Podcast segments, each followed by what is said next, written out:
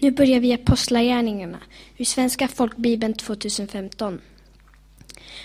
Kapitel 1. I mina första skrifter, kära Tofilus, skrev jag om allt som Jesus gjorde och lärde fram till den dag han tog upp till himlen efter att han gett sin befallning genom den heliga anden till apostlar som han hade utvalt. Han visade sig för dem efter sin lidande och gav dem många bevis på att han levde när han under 40 dagar lät dem se honom och talade med dem om Guds rike. Vid en måltid med apostlarna befallde han dem, lämna inte Jerusalem utan vänta på vad Fadern har lovat, det ni har hört av mig. Johannes döparen med vattnet, men ni ska om några dagar bli döpta i den heliga anden. När de nu var samlade frågade de honom, Herre, är tiden nu inne då du ska återuppta riket åt Israel? Han svarade dem, det är inte er sak att veta vilka tider eller stunder som Fadern i sin makt har bestämt. Men när den helige Anden kommer över er ska ni få kraft och bli mina vittnen i Jerusalem, i hela Judeen och Samarien och ända till jordens yta yttersta gräns. När han hade sagt det såg de hur, hur han lyftes upp och, och ett moln tog honom ur deras åsyn. Med en ande såg mot himlen dit han steg upp och stod plötsligt, li, lit, plötsligt två män i vita kläder hos dem. De sade Galileer, varför står ni och ser mot himlen? Den Jesus han som togs upp från er till himlen, han ska komma tillbaka på samma sätt som ni såg honom stiga upp till himlen vände de tillbaka till Jerusalem från berget som kallas Olivberget och ligger nära staden, en sabbatsväg därifrån. När de kom dit gick de upp till den sal på över övervåningen där de brukade vara. Petrus, Johannes, Jakob, Andreas, Filippus, Thomas, Bartolomeus, Matteus, Jakob, Alfeus son, eh, Simon Selotten, Judas, Jakobs son. Alla dessa höll, en, höll enigt ut i bön tillsammans med några kvinnor, Jesus mor Maria och hans bröder. En av de dagarna reste sig Petrus bland bröderna, omkring 120 personer var då samlade, och sa Bröder, skriftens ord måste uppfyllas. Det som den helige ande genom Davids mun hade förutsagt om Judas, han som blev vägvisare åt dem som ge, grep Jesus. Han räknades som en av oss och hade fått del i samma tjänst. För pengarna som han fick för sitt brott köpte han en åker där han föll framstupa så att buken brast och alla hans inälvor rann ut. Det blev känt för alla som bodde i Jerusalem och åken kallades på deras språk Akeldamak, blodsåken. I Saltaren stod det står det skrivet Hans gård ska bli öde, ingen ska bo där och en annan ska ta över hans ämbete. Därför måste en av de männen som varit med oss under, den, under hela den tid då Herren Jesus gick in och ut ibland oss. Från det att han döptes av Johannes till den dag han togs upp ifrån oss. En av dem måste vara ett vittne om hans uppståndelse tillsammans med oss. Man förde fram två. Josef Bara, Barsabas, även kallad Jutus, och Mattias. De bad, Herre, du känner allas hjärtan, visa vem av dessa två du har utvalt till att få den aposteltjänst som Judas övergav för att gå, för att gå till den plats som var hans. Därefter kastade de lott mellan dem. Lotten föll på Mattias och han räknades sedan som apostel tillsammans med de elva. Kapitel 2 När pingstdagen kom var de alla samlade. Då hördes plötsligt från himlen ett dån när en våldsam storm drar fram. Eh, och det fyllde hela huset där de satt. Tungor som av eld visade sig för dem och fördelade sig och satte sig på var och en av dem. Alla uppfylldes av den heliga ande och började tala främmande språk. Allt eftersom anden ingav dem att tala. Eh, i Jerusalem bodde fromma judiska män från alla folk under himlen.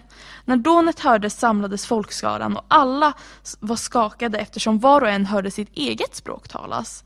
Häpna och förundrade frågade de, är det inte galileer alla, som, alla de som talar? Hur kan då var och en av oss höra vårt eget modersmål? Vi är par, par, partier, meder, el, Elamati, El, Elamiter. Vi bor i Mesopotamien, Judeen, Kappadokien, Pom, Pom, Pontus och Asien. I Fryen, Pamfylien, Egypten och trakten kring Kyrne i Libyen. Vi är inflyttade från Rom.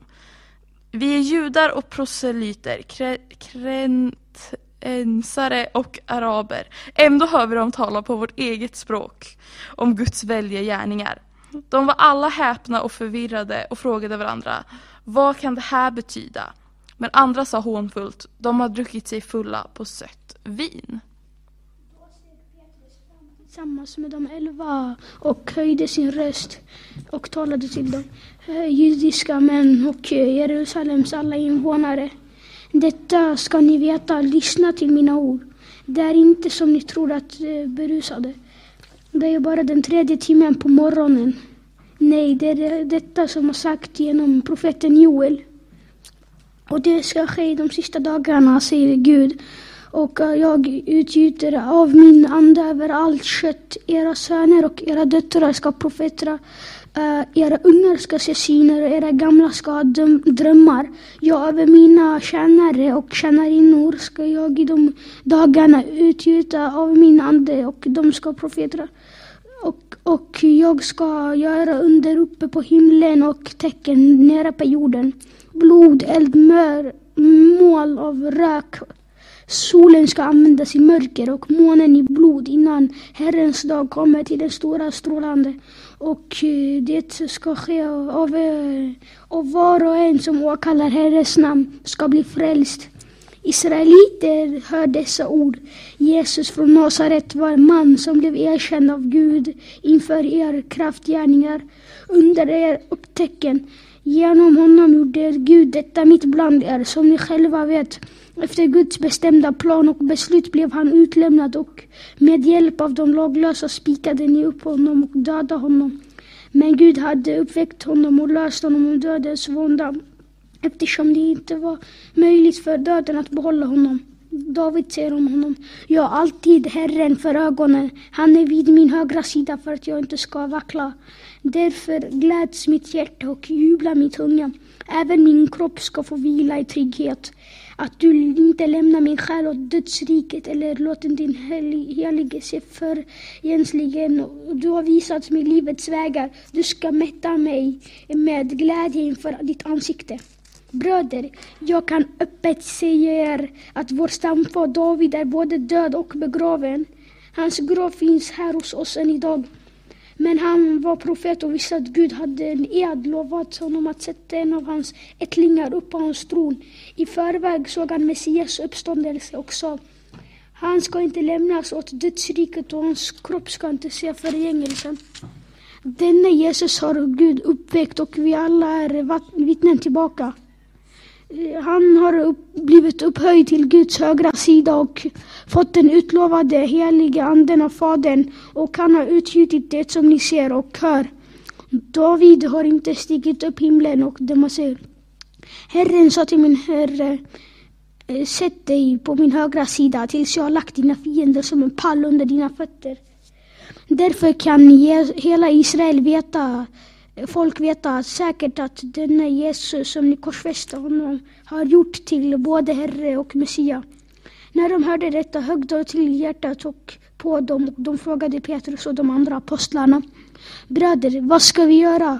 Petrus svarade dem, omvänd och vänd er, omvänd er och låt er alla uppdöpas i Jesu Kristi namn så att era synder blir förlåtna.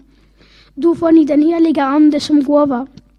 Löftet gäller er och era barn och alla de som är långt borta, alla som Herren vår Gud kallar. Med eh, många andra ord vittnade han och vädjade till dem. Låt er frälsas, frälsas av detta bortvända släktet. De som tog emot honom ord döptes och antalet lärjungar ökade den dagen omkring med 3000. De höll troget fast vid apostlarnas undervisning och vid gemenskapen, brödsbrytelsen och bönerna. Varje själ greps av bävan och många under och tecken gjordes genom apostlarna. Alla de troende var tillsammans och hade allt gemensamt.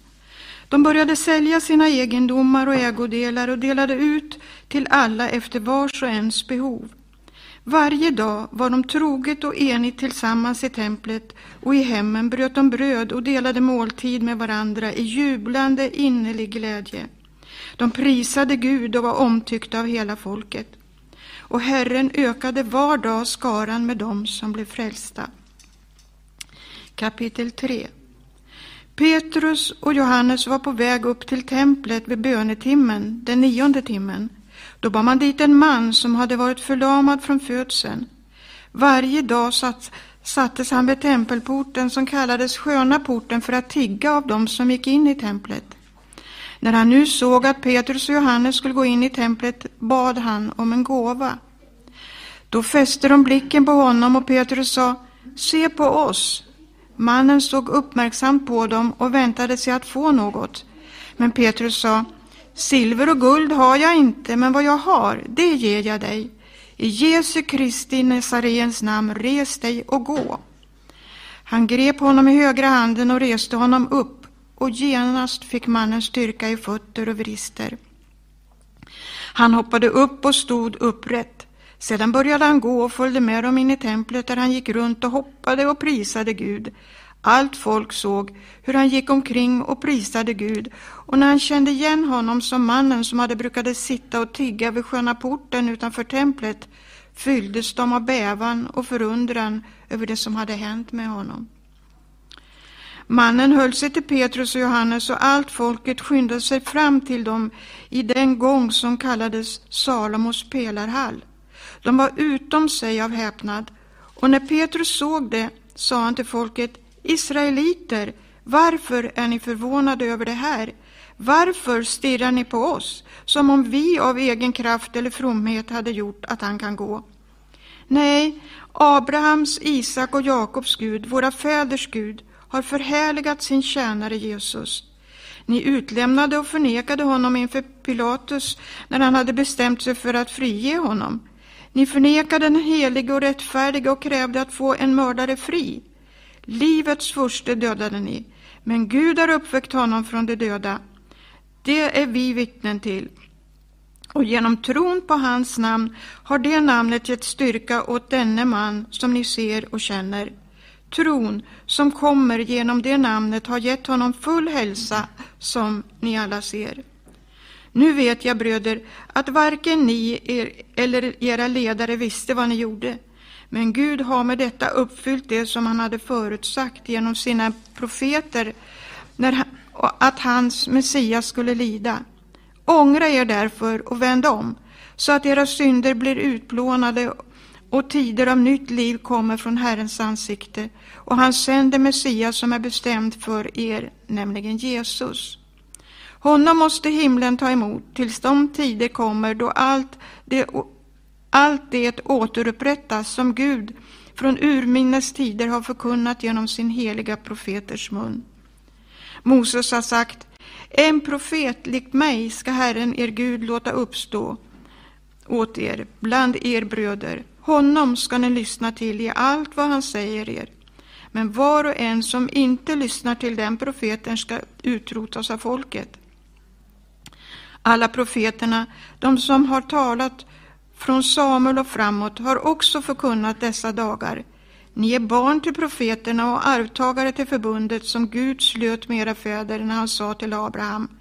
I din avkomma skall alla folk på jorden bli välsignade. Det var först och främst för er som Gud lät sin tjänare uppstå och han har sänt honom för att välsigna er genom att vända var och en bort från sina onda gärningar.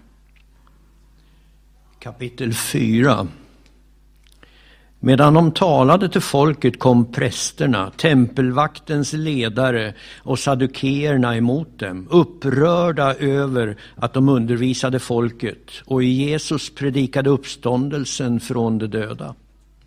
De grep dem och höll dem fängslade till nästa dag eftersom det redan var kväll.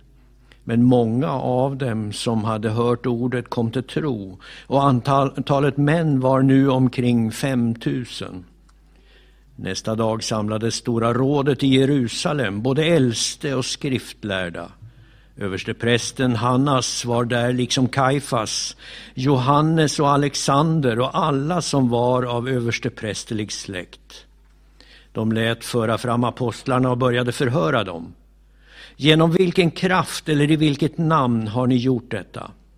Då uppfylldes Petrus av den helige Ande och svarade dem, rådsherrar och äldste för vårt folk. Om vi står till svars idag för en välgärning mot en sjuk man och ska förklara hur han blev botad, så ska ni alla och hela Israels folk veta att han står frisk framför er i kraft av Jesu Kristi, Nazarens namn. Ni korsfäste honom, men Gud har uppväckt honom från de döda.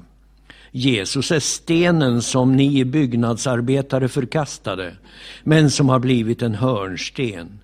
Hos ingen annan finns frälsningen, och under himlen finns inget annat namn som människor fått genom vilket vi blir frälsta. När de såg hur frimodiga Petrus och Johannes var och märkte att de var olärda män ur folket blev de förvånade. Men så kände de igen dem och kom ihåg att de hade varit med Jesus. Och när de såg mannen som blivit botad stå där tillsammans med dem blev de svarslösa.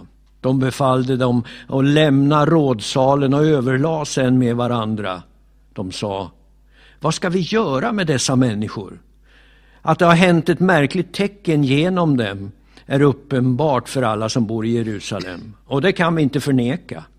Men för att det inte ska sprida sig ännu mer bland folket bör vi varna dem så att de aldrig mer talar till någon människa i det namnet. De kallade in dem och förbjöd dem att alls tala eller undervisa i Jesu namn. Men Petrus och Johannes svarade dem. Bedöm själva om det är rätt inför Gud att lyda er och inte Gud. Vi för vår del kan inte hålla tyst med vad vi har sett och hört. Då hotade de dem igen, men lät dem sen gå. För folkets skull kunde de inte komma på något bra sätt att straffa dem, eftersom alla prisade Gud för det som hade hänt. Mannen som blev botad genom tecknet var ju över 40 år. När de blivit frisläppta gick de till sina egna och berättade allt vad översteprästerna och de äldste hade sagt till dem. När de hörde det ropade de tillsammans till Gud och bad, Herre, du som gett himmel och jord och hav och allt som finns i dem. Du har genom den helige Ande talat genom vår fader David, din tjänare. Varför rasar hedna folken? Varför tänker folken tomma tankar? Jordens kungar reser sig och furstarna gaddar ihop sig mot Herren och hans smorde. Ja, de gaddade verkligen ihop sig i denna stad mot din helige tjänare Jesus som du har smort. Herodes och Pontius Pilatus gick samman med hedningarna och Israels stammar för att utföra det som du med din hand och ditt beslut hade förutbestämt. Och nu, Herre, se hur de hotar oss. Hjälp dina tjänare att frimodigt förkunna ditt ord genom att du räcker ut din hand och låter helande tecken och under ske genom den helige tjänare Jesu namn. När de hade bett skakades platsen där de var samlade och de uppfylldes alla av den helige Ande och förkunnade Guds ord med frimodighet. Hela skaran av dem som kommit till tro var ett hjärta och en själ. Och ingen kallade något av det han ägde för sitt, utan de hade allt gemensamt. Med stor kraft bar apostlarna fram vittnesbördet om Herren Jesu uppståndelse och stor nåd var över dem alla. Ingen av dem led någon brist för alla som hade mark eller hus sålde sådant som de ägde och bar fram betalningen för det som sålts och lade ner det vid apostlarnas fötter och man delade ut åt var och en efter hans behov. Även Josef, en levit född på Cypern som apostlarna kallade Barnabas, det betyder tröstens son, hade en åker. Han sålde den och bar fram pengarna och lade dem vid apostlarnas fötter. Kapitel 5 Men en man som hette Ananias sålde med sin hustru Safira en egendom och smusslade sedan undan en del av betalningen med hustruns vetskap. Han bar fram resten och lade det vid apostlarnas fötter. Då sa Petrus, Ananias, varför har Satan fyllt ditt hjärta så att du ljög för den helige Ande och smusslade undan en del av pengarna för marken? Var den inte din så länge du hade den? Och när den var såld, var inte pengarna dina? Varför bestämde du dig i ett hjärta för detta? Du har inte ljugit för människor, utan för Gud. När Ananias hörde det orden föll han ner och dog, och stor fruktan kom över alla de som hörde det. De yngre männen kom och svepte honom, bar bort och begravde honom. Omkring tre timmar senare kom hans hustru in utan att veta vad som hade hänt. Petrus frågade henne, Säg mig, sålde ni marken för det beloppet? Hon svarade, ja, för det beloppet. Då sa Petrus till henne, varför kom ni överens om att fresta Herrens ande? Se, de som har, se, de som har begravt din man står vid dörren och de ska bära bort dig också. Och plötsligt föll hon död ner vid hans fötter. När de unga männen kom in och fann henne död och de bar bort henne begravde henne vid hennes man. Stor fruktan kom över hela församlingen och över alla andra som hörde om det. Genom apostlarnas händer skedde många tecken och under bland folket och de var alla tillsammans i Salomos pelarhall. Ingen av de andra vågade ansluta sig till dem, men folket talade väl om dem. Och ännu fler kom till tro på Herren, stora skaror av både män och kvinnor. Man bar till och med ut de sjuka på gatorna och lade dem på bäddar och bårar för att åtminstone Petrus skugga skulle falla på någon av dem när han gick förbi. De kom också en stor skara från städerna runt omkring Jerusalem och förde med sig sjuka och sådana som plågades av orena andar och alla blev botade. Översteprästen och hans anhängare, det vill säga sadukeernas parti, fylldes av avund och grep apostlarna och satte dem i allmänt häkte. Men på natten öppnade en Herrens ängel fängelseportarna och förde ut dem och sa Gå och ställ er i templet och förkunna för folket allt om detta liv. När de hörde det gick de tidigt på morgonen till templet och började undervisa. När översteprästen och hans anhängare kom dit sammankallade de stora rådet, Israels folks hela äldsteråd, och skickade bud till häktet för att hämta apostlarna. Men när tjänarna kom fram fann de dem inte i fängelset. Då vände tillbaka och rapporterade. Vi såg att häktet var ordentligt låst och vakterna stod vid portarna, men när vi öppnade fanns ingen där inne. När tempelvaktens ledare och översteprästerna fick höra detta blev de villrådiga och undrade vad som kunde ha hänt. Då kom någon och berättade för dem. Männen som ni satte i fängelset står i templet och undervisar folket. Ledaren för tempelvakten gick då ut med tjänarna och hämtade dem utan att bruta, bruka våld eftersom de var rädda att folket skulle stena dem. När de nu blivit hämtade ställdes de inför Stora rådet och översteprästen förhörde dem och sa Har vi inte strängt förbjudit er att undervisa det namnet? Och nu har ni fyllt Jerusalem med er lära och vill att den mannens blod ska komma över oss. Då svarade Petrus och apostlarna, man måste lyda Gud mer än människor. Våra fäders Gud har uppväckt Jesus som ni hängde upp på trä och dödade. Honom har Gud upphöjt till sin högra sida som förste och frälsare för att ge Israel omvändelse och syndernas förlåtelse. Vi är vittnen till detta vi och den helige Ande som Gud har gett till dem som lyder honom. När rådsherrarna hörde det blev de ursinniga och ville döda dem. Men då reste sig en farisé i Stora rådet som hette Gam Gamaliel och en laglärare som var aktad av hela folket. Han befallde att man skulle föra ut männen en stund och sa sen Israeliter, tänker för vad ni gör med dessa män. För en tid sedan kom till Teudas och menade sig vara något och han fick med sig omkring 400 män. Men han blev avrättad och alla som trodde på honom skingrades och försvann. Efter honom kom Judas från Galileen vid tiden för skattskrivning och han fick folk att göra uppror och följa honom. Men även han gick under och alla som trodde på honom skingrades. Och nu säger jag er, håll er borta från dessa män och låt dem gå, för om detta är människors påhitt eller verk rinner det ut i sanden. Men är det av Gud kan ni inte slå ner dem. Det skulle kunna visa sig att ni kämpar mot Gud.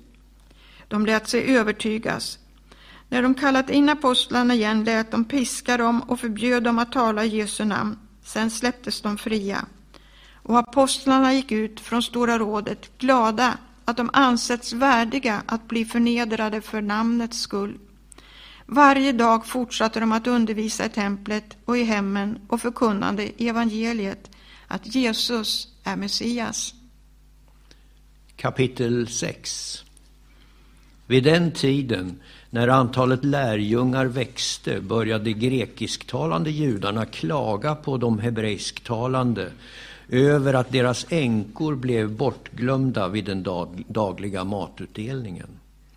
De kallade de tolv samman alla lärjungarna och sa Det är inte bra om vi försummar Guds ord för att göra tjänst vid borden. Nej, bröder, utse sju män bland er som har gott anseende och är fyllda av ande och vishet. Så ger vi dem uppgiften. Själva ska vi ägna oss åt bönen och åt ordets tjänst. Alla de församlade gillade förslaget. De valde Stefanus, en man fylld av tro och den helige Ande, och dessutom Filippus, Prokorus, Nikanor, Timon, Parmenas och Nikolaus, en proselyt från Antiochia. Man förde fram dem inför apostlarna som bad och lade händerna på dem. Och Guds ord hade framgång och antalet lärjungar i Jerusalem växte kraftigt. Även en stor grupp präster började lyda tron. Stefanus var fylld av nåd och kraft och gjorde stora tecken och under bland folket. Då kom det fram några från synagogan som kallades de frigivnas. Folk från Kyrene, Alexandria, Kilikien och Asien och började diskutera med Stefanus. Men de kunde inte stå emot den vishet och den ande som här talade. Då intalade det några män att säga, vi har hört honom predika hädiska ord mot Mose och Gud. De hetsade upp folket och de äldste och de skriftlärda och kom sen och grep honom och förde honom inför Stora rådet. Sen skickade de fram falska vittnen och sa, den där mannen slutar inte predika mot denna heliga plats och mot lagen. Vi har hört honom säga att Jesus från Nasaret ska bryta ner denna plats och ändra på de seder som Mose har gett oss. Alla som satt i rådet fäste blicken på honom och de såg att hans ansikte var som en ängels.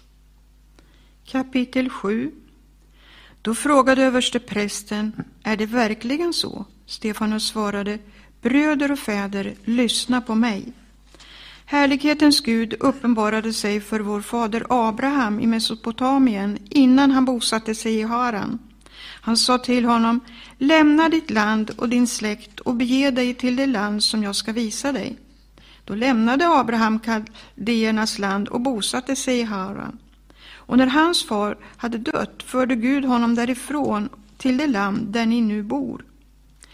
Han gav honom ingen arvedel i landet, inte ens en fotsbredd, men han lovade att ge det som en egendom åt honom och hans efterkommande trots att han var barnlös. Detta är vad Gud sade. Hans efterkommande ska bo som främlingar i ett land som inte är deras. Man ska göra dem till slavar och förtrycka dem i 400 år. Men det folk som vars, vars slavar de blir ska jag döma, sa Gud, och sen ska de dra ut och tjäna mig på denna plats och han gav honom omskärelsens förbund. Så blev Abraham far till Isak och omskar honom på åttonde dagen, och Isak blev far till Jakob och Jakob till de tolv stamfäderna. Våra stamfäder blev avundsjuka på Josef och sålde honom till Egypten, men Gud var med honom och räddade honom ur alla hans lidanden. Han gav honom nåd och vishet inför farao, kungen i Egypten, som satte honom till styresman över Egypten och hela sitt hus. Men hela Egypten och Kanaan drabbades av svält och svår nöd och våra fäder fann inget att äta. När Jakob fick höra att det fanns säd i Egypten sände han våra fäder dit, för dit en första gång. Den andra gången gav sig Josef till känna för sina bröder och farao fick höra om Josefs släkt. Josef skickade då bud och lät hämta sin far Jakob och hela sin släkt, 75 personer. Och Jakob drog ner till Egypten och där dog han och våra fäder. De fördes till Shekem och lades i den grav som Abraham hade köpt för en summa silver av Hamors barn i Shekem. När tiden närmade sig då Gud skulle uppfylla sitt löfte till Abraham växte folket i antal och de blev allt fler i Egypten ända tills en annan kung kom till makten i Egypten, en som inte kände till Josef. Han gick fram med list mot vårt folk och förtryckte våra fäder och tvingade dem att sätta ut sina nyfödda för att de inte skulle överleva. Vid den tiden föddes Mose och han var vacker inför Gud. Under tre månader sköttes han i sin fars hus och när han sen sattes ut tog faraos dotter upp honom och uppfostrade honom som sin egen son. Och Mose blev undervisad i alla egyptiernas visdom och han var mäktig i ord och gärning. När han fyllt 40 år fick han tanken att besöka sina bröder, Israels barn.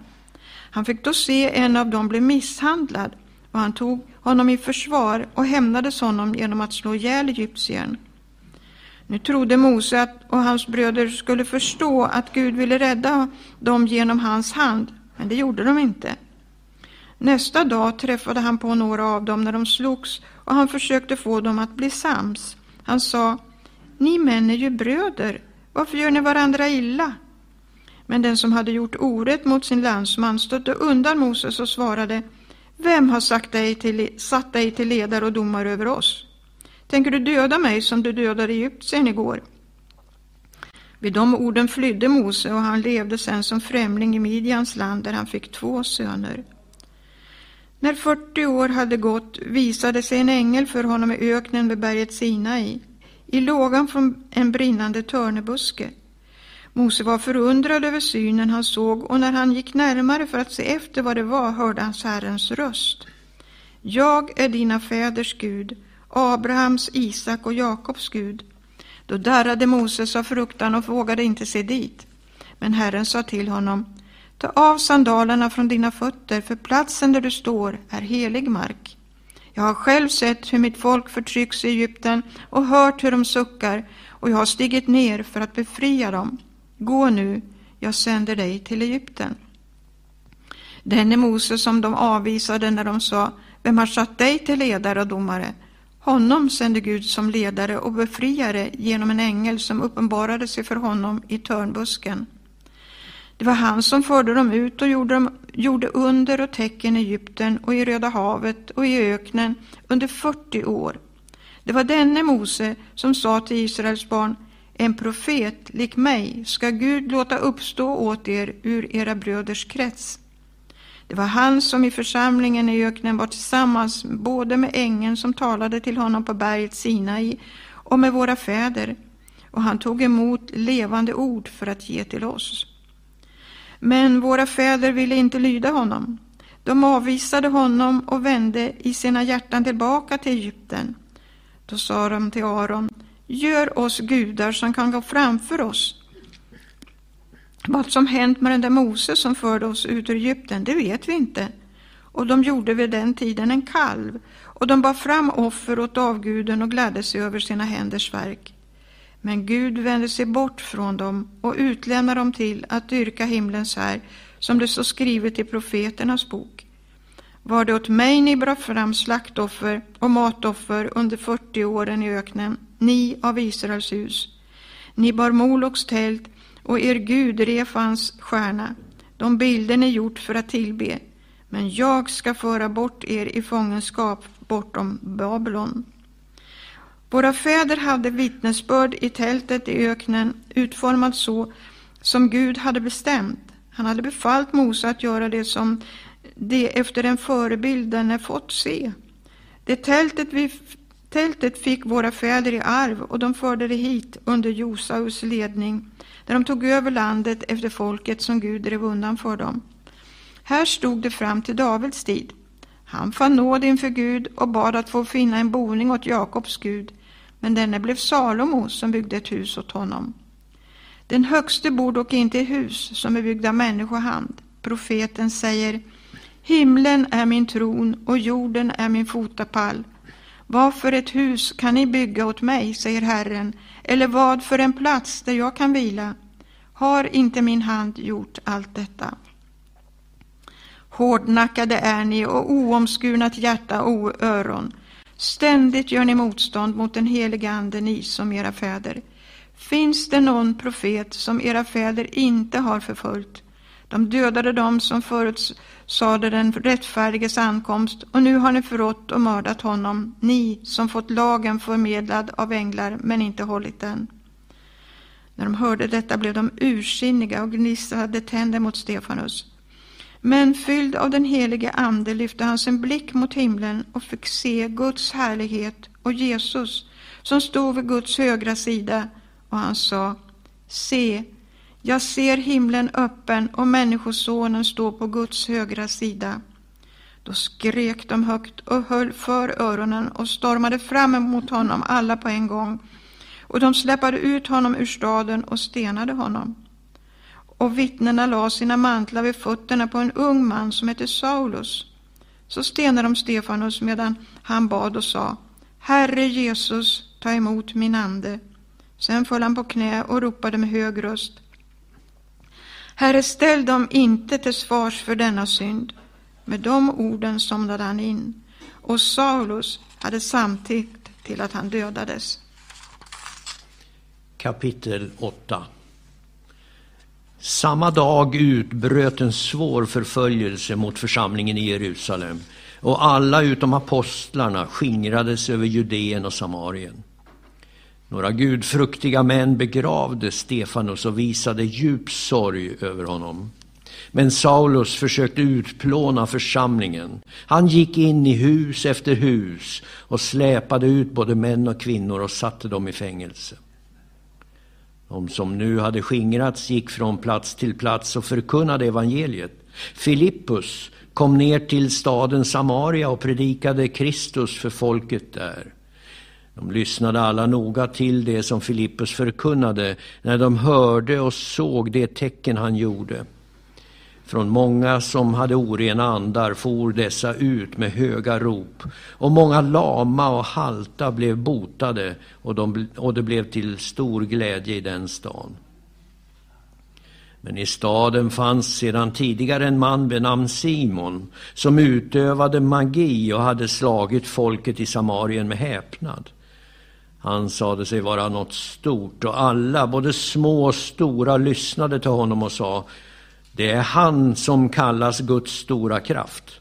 De hade lyssnat till honom därför att han länge fascinerat dem med sin magi. Men när de nu trodde på Filippus som förkunnade evangeliet om Guds rike och Jesu Kristi namn döptes det både män och kvinnor. Till och med Simon kom till tro. Han blev döpt och höll sig sedan ständigt till Filippus. Och han blev utom sig av häpnad när han såg de stora tecken och kraftgärningar som skedde. När apostlarna i Jerusalem fick höra att Samarien hade tagit emot Guds ord sände de dit Petrus och Johannes. Dessa kom ner och bad för dem och att de skulle få den helige Ande eftersom anden ännu inte hade fallit över någon av dem. De var bara döpta i Herren Jesu namn. Apostlarna lade då händerna på dem och de tog emot den helige Ande. Men när Simon såg att anden gavs genom apostlarnas handpåläggning kom han till dem med pengar och sa Ge den kraften till mig också, så att jag, så att den jag lägger händerna på får den helige Ande. Petrus sa till honom, till fördärvet med dig och dina pengar. Om du tror att Guds gåva kan köpas för pengar, du har ingen del eller lott i den här saken, för ditt hjärta är inte uppriktigt inför Gud. Omvänd dig därför från din ondska och be till Herren så att han, om möjligt, förlåter dig vad du tänker i ditt hjärta. Jag ser att du är full av bitter galla och fast i orättfärdighetens band. Simon svarade, Be ni för mig till Herren så att inget av det ni sagt drabbar mig. Sedan de vittnade och predikade Herrens ord vände de tillbaka till Jerusalem. På vägen förkunnade evangeliet i många byar i Samarien.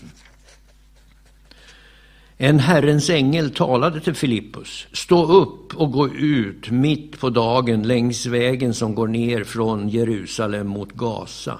Den ligger öde. Filippus reste sig och gick. Då kom en etiopisk hovman som var evnuck och ansvarig för hela skattkammaren hos den etiopiska drottningen Kandake. Han hade kommit till Jerusalem för att tillbe och var nu på väg hem och satt i sin vagn och läste profeten Jesaja. Då sa anden till Filippus, gå fram till vagnen och håll dig nära den. Filippus skyndade fram och när han hörde honom läsa profeten Jesaja frågade han, förstår du vad du läser? Mannen svarade, hur skulle jag kunna det om ingen vägleder mig? Och han bad Filippus komma upp och sätta sig bredvid honom. Stället i skriften som han läste var detta. Som ett får som förs bort till slakt, som ett lamm som är tyst inför den som klipper det, så öppnade han inte sin mun. Genom hans förnedring blev hans dom upphävd. Vem kan räkna hans släkte eftersom hans liv rycks bort från jorden? Åmannen sa till Filippus, jag vill fråga dig vem profeten talar om, om sig själv eller någon annan. Då började Filippus tala och utifrån det skriftstället förklara evangeliet om Jesus för honom. När de nu färdades vägen fram kom de till ett vattendrag och hovmannen sa Här finns vatten, vad hindrar att jag blir döpt? Han befallde att vagnen skulle stanna. Både Filippus och hovmannen gick ner i vattnet och Filippus döpte honom. När de kom upp ur vattnet ryckte Herrens ande bort Filippus och hovmannen såg honom inte mer. Han fortsatte sin resa full av glädje. Filippus kom till Ashdod och han vandrade omkring och förkunnade evangeliet i alla städerna tills han nådde Caesarea. Kapitel 9 Saulus, som fortfarande andas hot och modlust mot Herrens lärjungar, gick till översteprästen och bad att få med sig brev till synagogorna i Damaskus. Om han kunde finna några som tillhörde vägen, män eller kvinnor, skulle han få fängsla dem och föra dem till Jerusalem. Men när han på sin resa närmade sig Damaskus strålade plötsligt ett ljus från himlen omkring honom. Han föll till marken och hörde en röst som sa till honom Saul, Saul, varför förföljer du mig? Då frågade han, vem är du, Herre? Rösten svarade, jag är Jesus, dem du förföljer. Men res dig och gå in i staden så ska du få veta vad du måste göra. Männen som reste med honom stod där förstummade. De hörde ljudet, men såg ingen. Saulus reste sig upp från marken och när han öppnade sina ögon kunde han inte se. Då tog de honom i handen och ledde honom in i Damaskus. Under tre dagar såg han ingenting och han varken åt eller drack. I Damaskus fanns en lärjunge som hette Ananias. Till honom sa Herren i en syn, Ananias. Han svarade, Här är jag, Herre. Då sa Herren till honom, Res dig och gå till Raka gatan och fråga Judas hus efter en som heter Saulus från Tarsus, för han ber. I en syn har han sett hur en man som heter Ananias kommer in och lägger händerna på honom så att han kan se igen. Ananias svarade, Herre, jag har hört många, av många hur mycket ont den mannen har gjort mot dina heliga Jerusalem, och nu är han här med fullmakt från översteprästen att gripa alla som åkallar ditt namn. Men Herren sa till honom, gå, för han är mitt utvalda redskap för att bära fram mitt namn inför hedningar och kungar och Israels barn. Och jag själv ska visa honom hur mycket han måste lida för mitt namns skull. Då gick Ananias, och när han kom in i huset la han händerna på honom och sa Saul, min broder, Herren Jesus som visade sig för dig på vägen hit har sänt mig för att du ska kunna se igen och bli uppfylld av den helige Ande. Genast var det som att fjäll föll från hans ögon när han fick tillbaka sin syn och han reste sig och blev döpt. Sen åt han och fick nya krafter. Saulus stannade några dagar hos lärjungarna i Damaskus och han började genast predika i synagogorna att Jesus är Guds son. Alla som hörde honom häpnade och sa, var det inte han som i Jerusalem ville utrota dem som åkallade namnet? Och, han kom in, och kom han inte hit för att gripa dem och föra dem till översteprästerna? Men Saulus fick allt större kraft och gjorde judarna i Damaskus svarslösa när han bevisade att Jesus är Messias. Efter en tid kom judarna överens om att röja honom ur vägen, men Saulus fick reda på deras plan. Dag och natt höll de vakt vid portarna för att döda honom. Men en natt tog hans lärjungar och firade ner honom ut efter muren i en korg. När han kom till Jerusalem försökte han ansluta sig till lärjungarna, men alla var rädda för honom eftersom de inte trodde att han var en lärjunge. Då tog Barnabas hand om honom. Han förde honom till apostlarna och berättade för dem hur Saulus hade sett Herren på vägen, att Herren hade talat till honom och att han i Damaskus hade predikat frimodigt i Jesu namn. Sen stannade Saulus hos dem och han gick in och ut i Jerusalem och predikade frimodigt i Herrens namn. Han talade och diskuterade med de grekiska judarna, men de försökte röja honom ur vägen. När bröderna fick veta det tog de med honom till Caesarea och sände honom sedan vidare till Sachus. Församlingen hade nu lugn och ro i hela Judeen, Galileen och Samarien. Den blev uppbyggd av levde i vördnad för Herren och växte genom den helige Andes tröst och förmaning. Petrus reste runt i hela området och han kom även ner till de heliga som bodde i Lydda. Där träffade han en man vid, en, vid namn Eneas som var förlamad och sängliggande sedan åtta år tillbaka. Petrus sa till honom, Eneas, Jesu Kristus botar dig, stig upp och bädda din säng. Genast steg han upp och alla som bodde i Lydda och Saron såg honom och de omvände sig till Herren. I Joppe fanns en lärjunge som hette Tabita, på grekiska Dorkas, hinden. Hon var rik på goda gärningar och generös mot de fattiga. Men vid den tiden blev hon sjuk och dog, och man tvättade henne och lade henne på övervåningen. Då nu Lydda ligger nära Joppe och lärjungarna hade hört att Petrus var där, skickade de två män till honom och bad Skynda dig och kom till oss. Petrus bröt upp och gick med dem. När han kom fram tog de med honom upp till övervåningen och alla änkorna kom gråtande fram till honom och visade de tunikor och mantlar som Dorcas hade gjort medan hon ännu var hos dem. Men Petrus skickade ut dem alla och föll på knä och bad. Sen vände han sig mot kroppen och sa Tabita, stå upp. Då öppnade hon sina ögon och när hon fick se Petrus satte hon sig upp. Han räckte henne handen och hjälpte henne upp. Därefter kallade han till sig de heliga och änkorna och lät dem se att hon levde. Detta blev känt i hela Joppe och många kom till tro på Herren. Därefter stannade han en längre tid i Joppe hos en viss Simon som var garvare. Kapitel 10 i Caesarea bodde en man som hette Cornelius, en officer vid den italiska vaktavdelningen.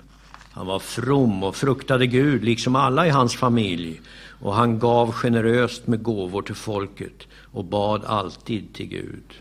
En dag, runt nionde timmen, såg han tydligt i en syn hur Guds ängel kom in till honom och sa Cornelius. Han stirrade förskräckt på ängeln och frågade, vad är det, Herre? Ängeln sa, dina böner och dina gåvor har stigit upp och blivit ihågkomna inför Gud. Sänd nu några män till Joppe och skicka efter en viss Simon som kallas Petrus. Han är gäst hos garvaren Simon som har ett hus vid havet. När ängeln som talat med honom var borta kallade Cornelius till sig två av sina tjänare och en from soldat från sitt närmaste följe. Han förklarade allt sammans för dem och sände iväg dem till Joppe. Nästa dag, medan de ännu var på väg och närmade sig staden, gick Petrus upp på taket för att be. Det var vid sjätte timmen. Han blev då hungrig och ville ha något att äta. Medan man gjorde i ordning maten kom han i hänryckning. Han såg himlen öppen och hur något som liknade en stor linneduk kom ner. Fäst i sina fyra hörn sänktes den ner till jorden och i den fanns jordens alla fyrfota djur och kräldjur och himlens fåglar. Och en röst kom till honom. Res dig, Petrus, slakta och ät. Petrus svarade, nej, nej, herre, jag har aldrig ätit något oheligt eller orent. Då sa en röst för andra gången till honom, vad Gud har förklarat rent ska inte du kalla orent. Detta hände tre gånger och sen blev duken strax upplyft till himlen. Medan Petrus undrade inom sig vad synen kunde betyda stod männen som Cornelius hade sänt vid porten. De hade frågat sig fram till Simons hus och nu ropade de och frågade om Simon som kallas Petrus var där som gäst. Petrus funderade fortfarande över synen när anden sa till honom, se, tre män söker dig, gå ner och följ med dem utan att tveka, för det är jag som har sänt dem. Petrus gick ner till männen och sa, jag är den ni söker, av vilken orsak har ni kommit hit? De svarade, officeren Cornelius är en rättfärdig man som fruktar Gud och har gott anseende hos hela det judiska folket.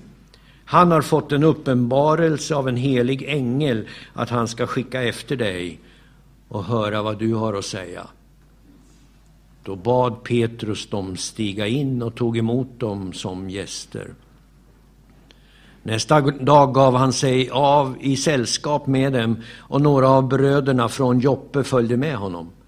Dagen därpå kom de till Caesarea. Cornelius väntade på dem och hade samlat sina släktingar och närmaste vänner.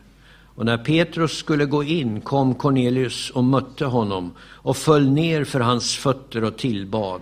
Men Petrus reste honom upp och sa, stå upp, jag är också bara en människa. Medan han samtalade med Cornelius så gick han in och fann många samlade där. Han sa till dem, ni vet att det är förbjudet för en judisk man att umgås med eller besöka en hedning. Men Gud har visat mig att man inte ska kalla någon människa ohelig eller oren. Därför tvekade jag inte heller att komma när ni sände bud efter mig. Så nu undrar jag av vilken orsak ni har bett mig komma. Cornelius svarade, för fyra dagar sedan, just vid den här tiden, den nionde timmen, var jag här hemma och bad. Då stod plötsligt en man i skinande kläder framför mig och sade, Cornelius, Gud har hört din bön och kommit ihåg dina gåvor. Skicka nu bud till Joppe och be Simon, som kallas Petrus, att komma hit. Han är gäst i garvaren Simons hus vid havet. Då skickade jag genast bud efter dig. Det var vänligt av dig att komma. Nu är vi alla här inför Gud för att höra allt som Herren har befallt dig att säga. Då började Petrus tala. Nu förstår jag verkligen att Gud inte gör skillnad på människor, utan tar emot dem som fruktar honom och gör det som är rätt, vilket folk han än tillhör. Detta är det ord som Gud sände till Israels folk när han förkunnade frid genom Jesus Kristus. Han är allas Herre och ni känner till det som har hänt i hela Judeen med början i Galileen efter dopet som Johannes förkunnade. Hur Gud smorde Jesus från Nasaret med den helige Ande och kraft. Han gick omkring och gjorde gott och botade alla som var i djävulens våld, för Gud var med honom. Vi är vittnen till allt som han gjorde, både i eh, judarnas land och i Jerusalem. De hängde upp honom på trä och dödade honom, men Gud uppväckte honom på tredje dagen och lät honom visa sig inför hela folket utan för de vittnen som Gud i förväg hade utvalt. För oss som åt och drack med honom efter att han uppstått från de döda. Och han befallde oss att predika för folket och vittna om att han är den som Gud har utvalt till domare över levande och döda. Om honom vittnar alla profeterna att var och en som tror på honom får syndernas förlåtelse genom hans namn. Medan Petrus ännu talade föll den helige Ande över alla som hörde ordet. De troende judarna som hade följt med Petrus häpnade över att den helige Andes gåva blev utgjuten också över hedningarna eftersom de hörde hur de talade i tungor och prisade Gud. Då sa Petrus, ingen kan väl hindra att de döps med vatten när de har fått den helige Ande precis som vi. Och han befallde att de skulle döpas i Jesu Kristi namn. Sedan bad de honom stanna några dagar. Kapitel 11 Apostlarna och bröderna i Judeen fick höra att även hedningarna hade tagit emot Guds ord. När Petrus kom upp till Jerusalem började de omskurna angripa honom och sa Du har varit inne hos oomskurna män och ätit med dem. Petrus förklarade då steg för steg vad han, som hade hänt. Jag var i staden Joppe och medan jag bad kom jag i hänryckning och fick se en syn. Det kom ner något som liknade en stor linneduk, fäst i sina fyra hörn sänktes den ner från himlen och kom till mig. När jag såg efter och studerade den närmare fick jag se jordens fyrfotadjur, både vilda och tama, och kräldjur och himlens fåglar. Jag hörde också en röst som sa till mig, Res dig, Petrus, slakta och ät. Jag svarade, nej, nej, herre, det har aldrig kommit något oheligt eller orent i min mun. För andra gången talade en röst från himlen. Vad Gud har förklarat rent ska inte du kalla orent. Detta hände tre gånger och sen drogs alltsammans upp till himlen. Samtidigt stod tre män utanför huset där vi var. De hade skickats till mig från Caesarea och anden sa till mig att jag skulle gå med dem utan att tveka. De sex bröderna här följde också med mig och vi kom till, in i mannens hus. Han berättade för oss hur han hade sett en ängel stå i hans hus och säga Skicka bud till Joppe och hämta hit Simon som kallas Petrus. Han ska tala till dig och genom de orden ska du bli frälst, du och hela din familj. Och när jag, hörde, och när jag började tala föll den helige Ande över dem så som han föll över oss under den första tiden. Då kom jag ihåg vad Herren hade sagt. Johannes döpte med vatten, men ni ska bli döpta i den helige Ande. Om nu Gud gav dem samma gåva som han gav oss när vi kom till tro på Herren Jesus Kristus, vem var jag, då jag att kunna hindra Gud? När de hörde detta lugnade de sig och prisade Gud och sa Till och med åt hedningarna har Gud också skänkt omvändelsen som ger liv. De som hade skingrats genom förföljelsen som började med Stefanus kom ända från Fenicien, Cypern och Antiochia och förkunnade ordet endast för judar. Men bland dem fanns några från Cypern och Kyrenie. Och när de kom till Antiochia började de tala även till grekerna och förkunnade evangeliet om Herren Jesus. Och Herrens hand var med dem, och ett stort antal kom till tro och omvände sig till Herren. Ryktet om detta nådde församlingen i Jerusalem och man sände då Barnabas till Antiochia. När han kom dit och såg vad Guds nåd hade gjort blev han glad och uppmanade dem alla att, behållas, att hålla sig till Herren av hela sitt hjärta. Barnabas var en god man, fylld av den helige Ande och tro, och en stor skara fördes till Herren. Därefter begav han sig till Tarsus för att söka upp Saulus. Han fann honom och tog honom till Antiochia. Under ett helt år var de tillsammans med församlingen och undervisade en stor skara. Och det var i Antiochia som lärjungarna först började kallas kristna. Vid den tiden kom några profeter från Jerusalem ner till Antiochia. En av dem hette Agabus, steg fram och förutsade genom anden att en svår svält skulle drabba hela världen. Den kom också under Claudius regering. Då beslöt lärjungarna att var och en skulle skicka så mycket han kunde för att hjälpa bröderna som bodde i Judeen. De gjorde så och sände hjälpen med Barnabas och Saulus till de äldste. Kapitel 12 Vid den tiden lät kung Herodes gripa och misshandla några i församlingen. Han lät avrätta Jakob, Johannes bror, med svärd. När han såg att judarna gillade detta fortsatte han och grep även Petrus.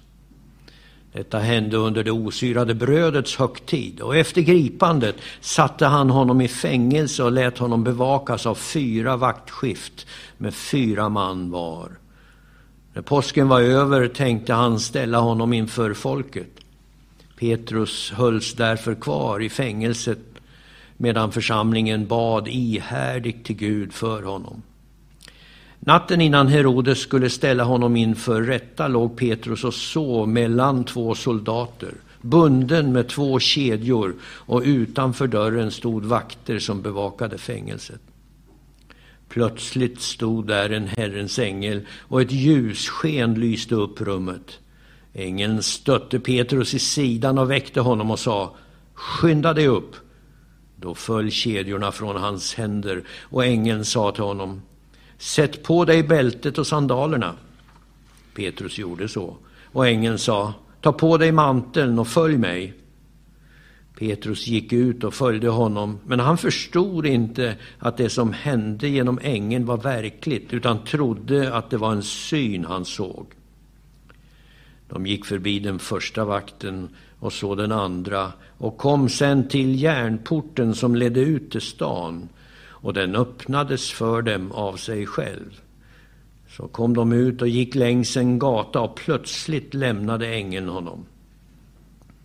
När Petrus blev sig själv igen sa han nu vet jag verkligen att Herren har sänt sin ängel och räddat mig från Herodes hand och från allt som det judiska folket hade väntat sig.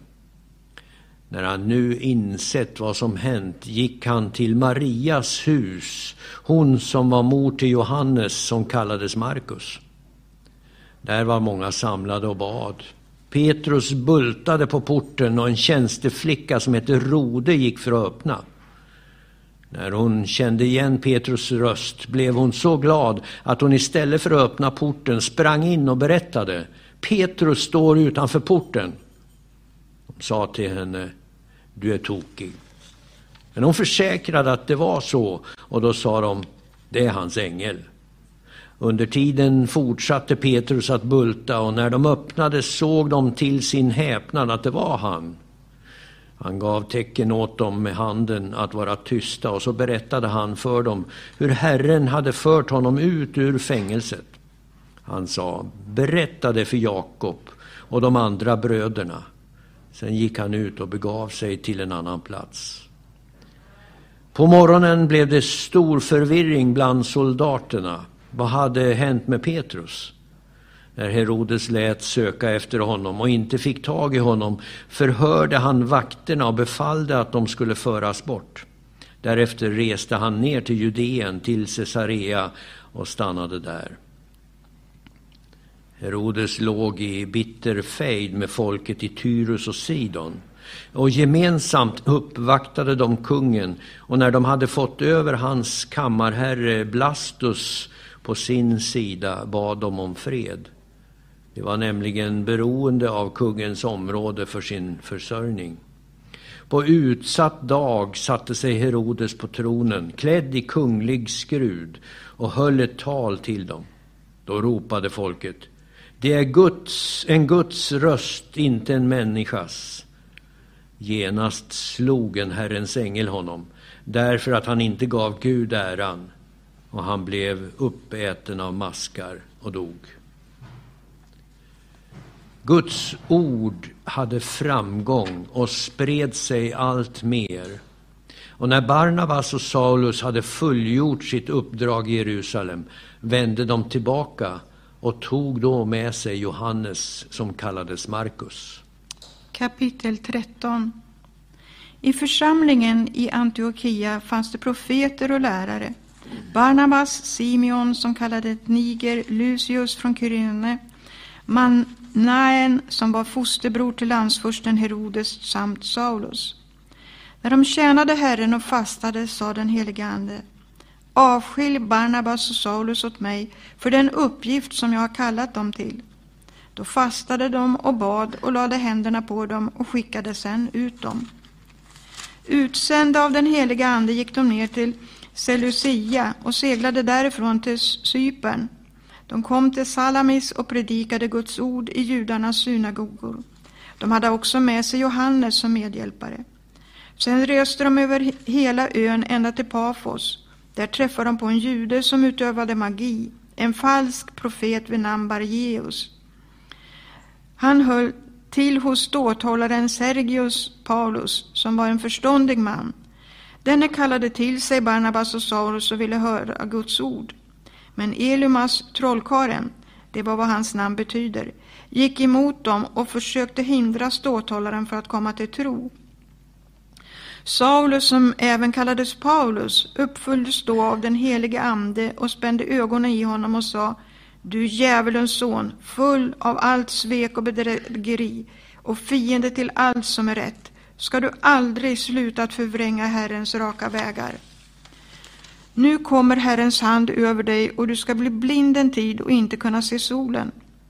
I samma ögonblick föll töcken och mörker över honom och han irrade omkring och sökte för någon som kunde ta hans hand och leda honom. När ståthållaren såg det som, hade hänt, det som hände kom han till tro, överväldigad av Herrens lära.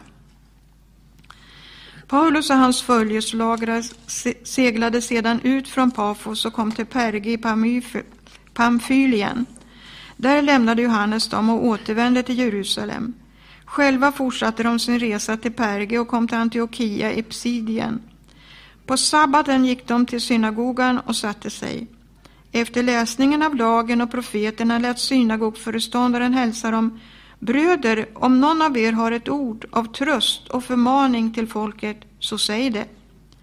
Då reste sig Paulus och gav tecken med handen och sa Israeliter och ni som fruktar Gud, lyssna. Detta folks Gud, Israels Gud, utvalda av våra fäder, han gjorde sitt folk så stort när de bodde som främlingar i Egypten. Med upplyft arm förde han dem där ut därifrån och under 40 år bar han dem i öknen. Han utrotade sju folk i Kanans land och gav deras land i arv åt sitt folk. Allt detta tog omkring 450 år. Därefter gav han dem domare till profeter profeten Samuels tid. Sen bad de att få en kung och Gud gav dem Saul, Kish son, en man av Benjamins stam för en tid av 40 år. Men Gud avsatte honom och gjorde David till kung över dem och han gav honom sitt vittnesbörd. Jag har funnit David, Isa, Isais son, en man efter mitt hjärta. Han ska utföra min vilja allt. Från hans efterkommande har Gud efter sitt löfte fått fram en frälsare för Israel, Jesus. Innan Jesus trädde fram hade Johannes förkunnat omvändelsen stod för hela Israels folk och när Johannes nådde slutet av sin bana sa han Det ni tror jag är, det är jag inte. Men efter mig kommer en vars sandaler jag inte ens är värdig att knyta upp. Bröder, söner av Abrahams släkt och ni andra som fruktar Gud. Till oss har budskapet om denna frälsning blivit sänt. Jerusalems invånare och deras ledare förstod nämligen inte vem han var. När de dömde honom uppfyllde de profeternas ord och läste varje sabbat. Fast de inte fann honom skyldig till något förtjänade, som förtjänade döden krävde de att Pilatus skulle avrätta honom. Och när de hade fullbordat allt som var skrivet om honom tog de ner honom från träet och la honom i en grav. Men Gud uppväckte honom från de döda och han visade sig under många dagar för dem som hade följt honom från Galileen upp till Jerusalem och som nu är hans vittnen inför folken. Och nu förkunnar vi det glada budskapet för er, löftet som fäderna fick. Har Gud uppfyllt åt oss, deras barn, genom att låta Jesus uppstå. Det står ju skrivet i andra salmen. Du är min son, jag har fött dig idag. Och att han har uppväckt honom från de döda för att aldrig mer återvända till förgängelsen, det har han sagt med dessa ord. Jag ska ge er det heliga och fasta nådelöften som David fick. Därför säger han också på ett annat ställe, du ska inte låta din helige se förgängelsen. När David på sin tid hade tjänat Guds vilja insomnade han och blev lagd till vila hos sina fäder och såg förgängelsen. Men den som Gud uppväckte har inte sett förgängelsen. Därför ska ni veta, bröder, att det är genom honom som syndernas förlåtelse förkunnas för er. Var och en som tror förklaras rättfärdig i honom och fri från allt som inte kunde frias från genom Mose lag. Se därför till att det som är sagt hos profeten inte drabbar er. Ser ni föraktare, häpna och gå under, jag, ska, jag gör gärningarna i era dagar, en gärning ni aldrig kommer att tro när den berättas för er. När de gick ut bad folket att de skulle tala mer om detta nästa sabbat. Och när församlingen skildes åt följde många judar och gudfruktiga proselyter med Paulus och Barnabas som talade till dem och uppmanade dem att hålla sig till Guds nåd. Följande sabbat var nästan hela stan samlad för att höra Herrens ord. Men när judarna fick se att folket fylldes dem av avund och de hånade Paulus och sa emot det som han förkunnade, då svarade Paulus och Barnabas frimodigt, Guds ord måste först förkunnas för er, men när ni avvisar det och inte anser er värdiga det eviga livet, då vänder vi oss till hedningarna, för så har Herren befallt oss. Jag har satt dig till ett ljus för hedna folken, för att du ska bli till frälsning ända till jordens yttersta gräns. När hedningarna hörde detta blev de glada och prisade Herrens ord och kom till tro, alla som var bestämda till evigt liv. Och Herrens ord spreds över hela området. Men judarna hetsade upp de förnäma kvinnorna som vördade Gud och de ledade männen i stan. De satte igång en förföljelse mot Paulus och Barnabas och drev bort dem från sitt område. Då skakade de dammet från sina fötter mot dem och fortsatte till Ikonium. Och lärjungarna uppfylldes av glädje och den helige Ande. Kapitel 14 i Ikonium hände samma sak. De gick till judarnas synagoga och predikade så att många, både judar och greker, kom till tro. Men de judar som vägrade tro hetsade upp hedningarna och förgiftade deras sinnen gentemot bröderna. Paulus och Barnabas stannade där en längre tid och talade frimodigt i förtröstan på Herren som bekräftade sitt nåderika ord genom att låta tecken och under ske genom deras händer. Men folket i staden delade sig så att vissa höll med judarna och andra med apostlarna. Och när både hedningarna och judarna med sina ledare gjorde upp en plan att misshandla och stena dem fick apostlarna reda på det och flydde till städerna Lystra och Derbe i Lykanium och trakten däromkring. Där fortsatte de att förkunna evangelium.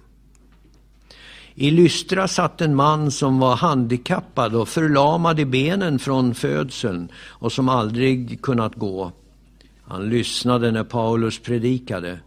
Paulus fäste sin blick på honom och när han såg att mannen hade tro så att han kunde bli botad sa han med hög röst Res dig upp och stå på dina ben. Då hoppade han upp och började gå omkring. När folket såg vad Paulus hade gjort ropade de på lykoniska Gudarna har kommit ner till oss i mänsklig gestalt. De kallade Barnabas för Zeus och Paulus för Hermes eftersom det var han som förde ordet. Prästen i Zeus-templet utanför stan förde fram tjudar, tjurar och kransar till portarna och ville offra tillsammans med folket. När apostlarna, Barnabas och Paulus, hörde det rev de sönder sina kläder och rusade in bland folket och ropade Människor, vad är det ni gör? Vi är också människor som ni. Vi kommer till er med evangeliet att ni ska omvända er från dessa tomma avgudar till den levande guden. Han som gjort himmel och jord och hav och allt som finns i den. I forna generationer lät han alla hedna folk gå sina egna vägar. Ändå har han lämnat många vittnesbörd om sig själv. Han gör gott. Han ger er regn från himlen och skördetider och mättar er med mat och glädje i era hjärtan.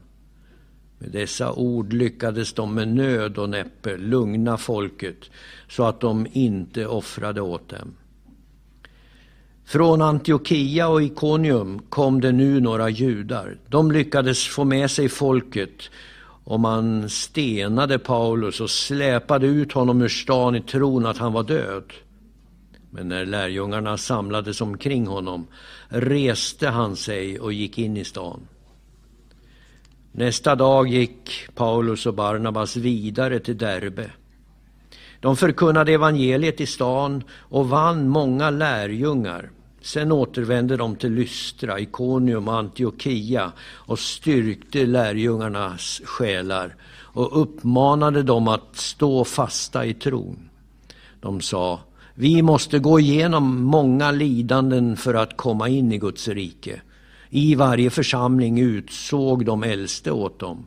Och efter bön och fasta överlämnade de det dem åt Herren som de hade kommit till tro på. Sen tog apostlarna vägen genom Pisidien och kom till Pamfylien. De predikade ordet i Perge och gick ner till Attalia. Därifrån seglade de tillbaka till Antiochia, där de hade blivit överlämnade åt Guds nåd för det uppdrag som de nu hade fullgjort. När de hade kommit fram samlade de församlingen och berättade om allt som Gud hade gjort genom dem och hur han hade öppnat trons dörr för hedningarna och de stannade en längre tid där hos lärjungarna. Kapitel 15 Några som hade kommit ner från Judeen började lära bröderna att de inte kunde bli frälsta om de inte lät omskära sig enligt seden från Mose.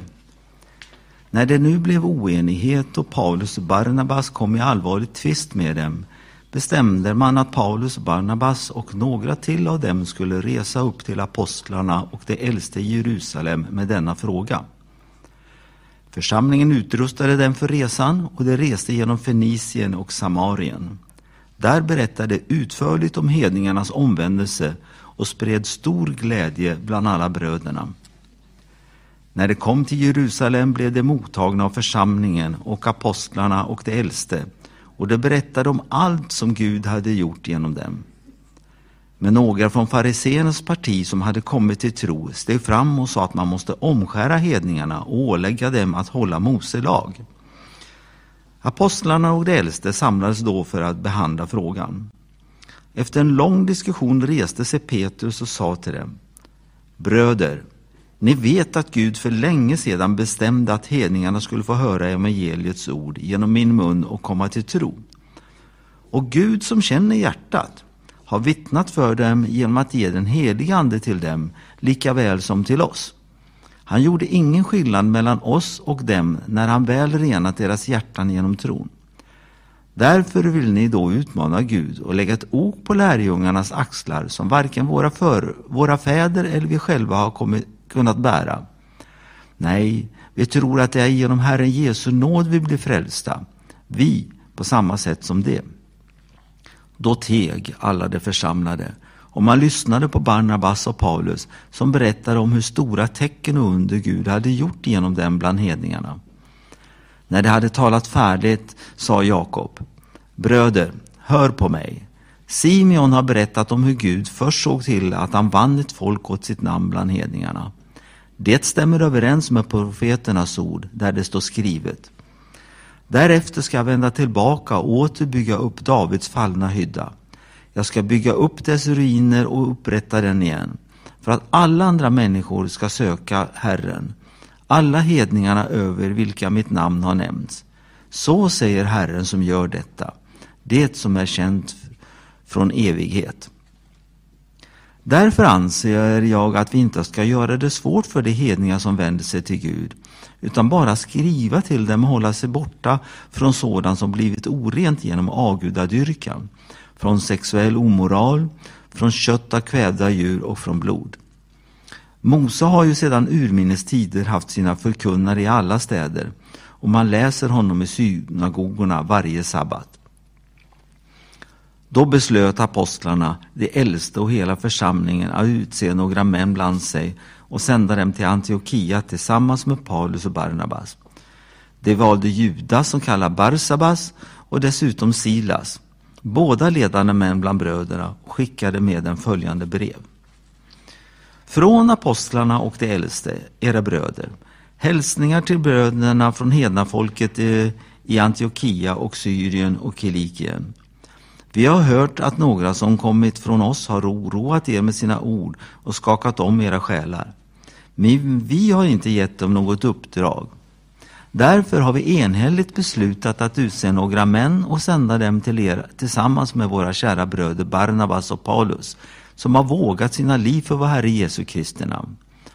Vi sänder alltså Judas och Silas, och det kommer muntligen att meddela samma sak.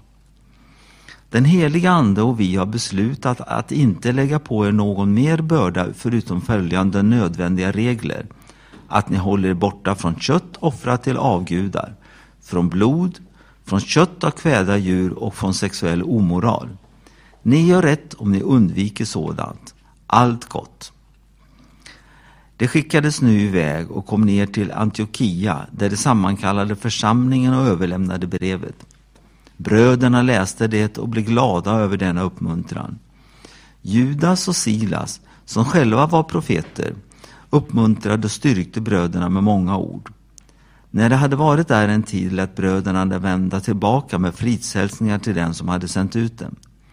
Men Paulus och Barnabas stannade i Antiochia där de undervisade och predikade Herrens ord tillsammans med många andra. Efter en tid sa Paulus till Barnabas vi borde resa tillbaka och besöka bröderna i alla städerna där vi predikat Herrens ord och se hur de har det. Barnabas ville ta med Johannes som kallades Markus.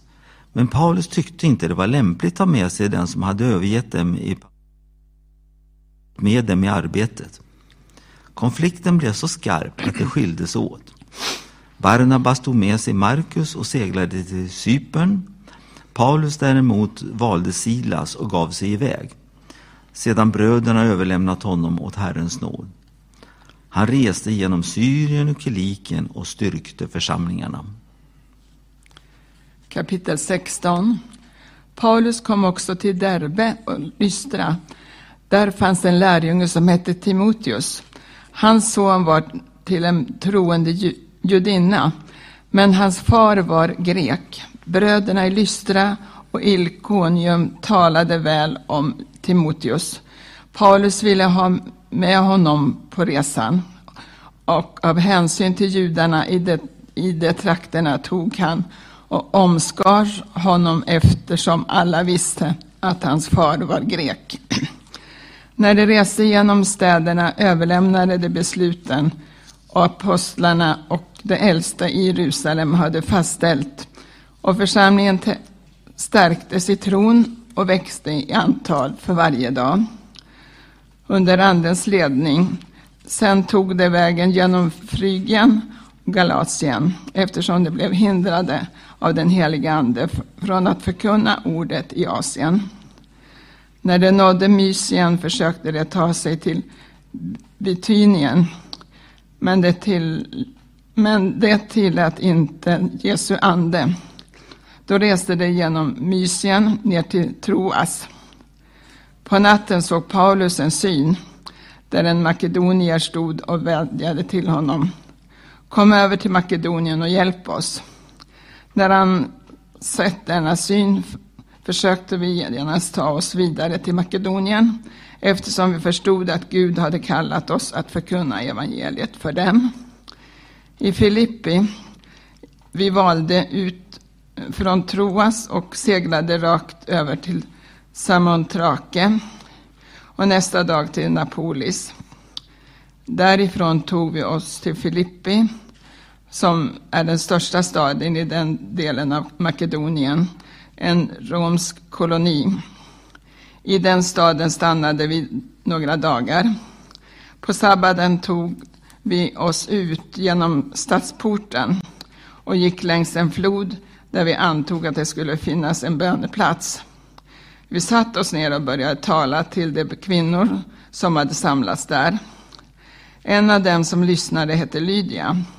Hon hade det purpurtyger och var från staden Thyatira.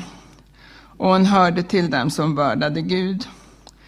Herren öppnade hennes hjärta så att hon tog till sig det som Paulus predikade. När hon och hennes familj hade blivit döpta bad hon, om ni, ser, om ni anser att jag tror på Herren, kom då och bo hemma hos mig. Och hon övertalade oss. Paulus och Silas i fängelse. En gång när vi var på väg till böneplatsen möttes vi av en slavflicka som hade spådomsande och skaffade sina herrar stora inkomster genom att spå. Hon följde efter Paulus och som andra och oss andra och skrek. De här människorna är de högsta Gud, Gudens tjänare. De förkunnar för er en väg till frälsning. Så höll hon på flera dagar. Men Paulus blev upprörd och vände sig om och sa till anden. Jag befaller dig i Kristi, Jesu Kristi namn att lämna henne. Och i samma ögonblick for anden ut henne. När hennes herrar såg att deras hopp om inkomst var ute grep de Paulus och Silas och släppte dem, dem till torget inför myndigheterna. De förde fram dem till domarna och sa, de här människorna stör ordningen i vår stad.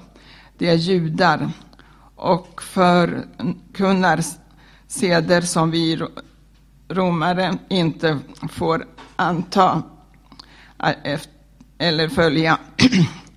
Även folket gick till angrepp mot dem och domarna slet av dem kläderna och befallde att de skulle piskas. De fick många rapp och kastades i fängelse och fångvaktaren fick befallning att bevaka dem noga. När han nu fick se fick en sådan befallning satte han dem i den innersta cellen och läs, låste fast deras fötter i stocken.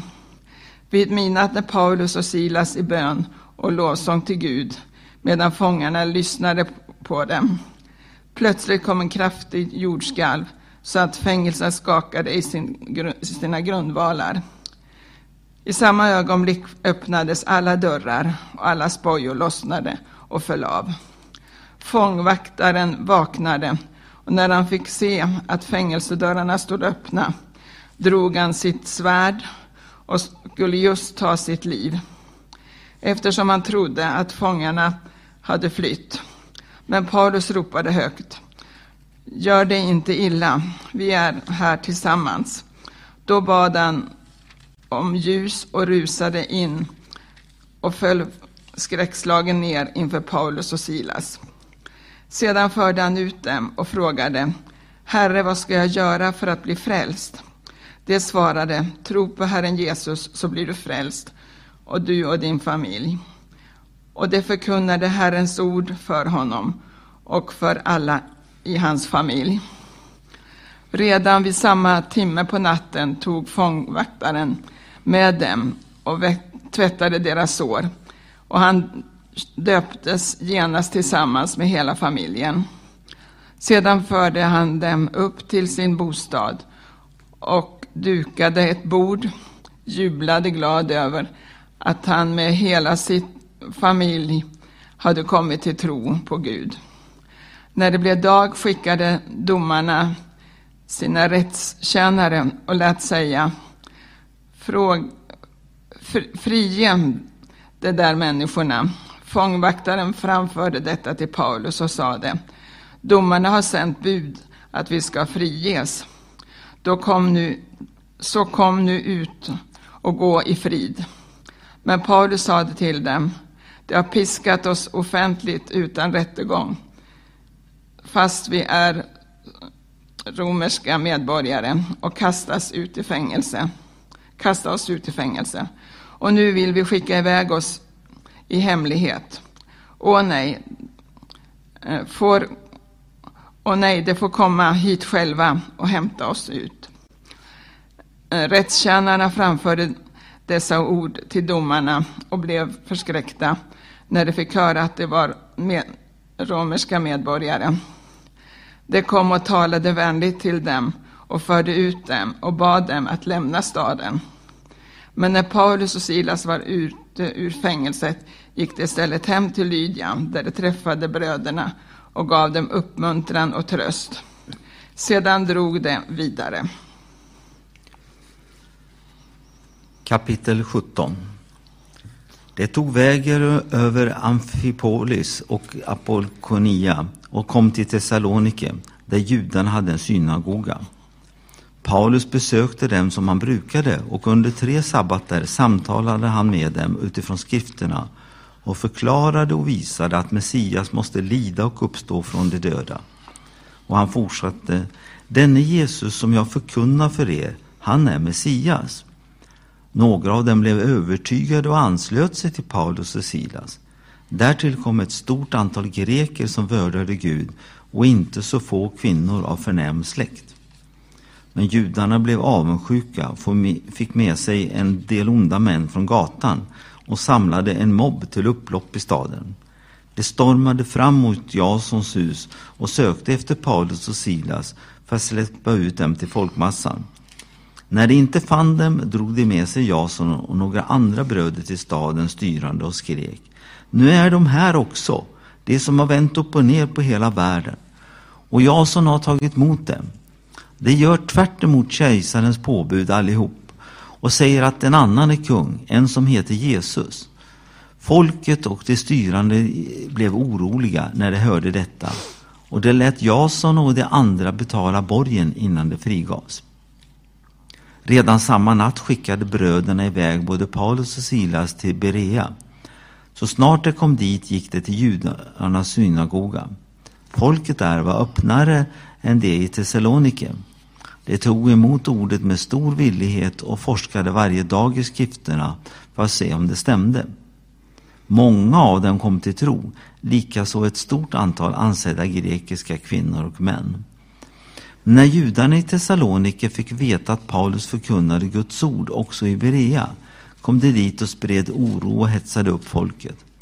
Bröderna sände då genast iväg Paulus ner mot kusten, men Silas och Timoteus stannade kvar där. Paulus vägvisare förde honom ända till Aten och vände sedan tillbaka med besked till Silas och Timoteus att komma till honom så snart som möjligt.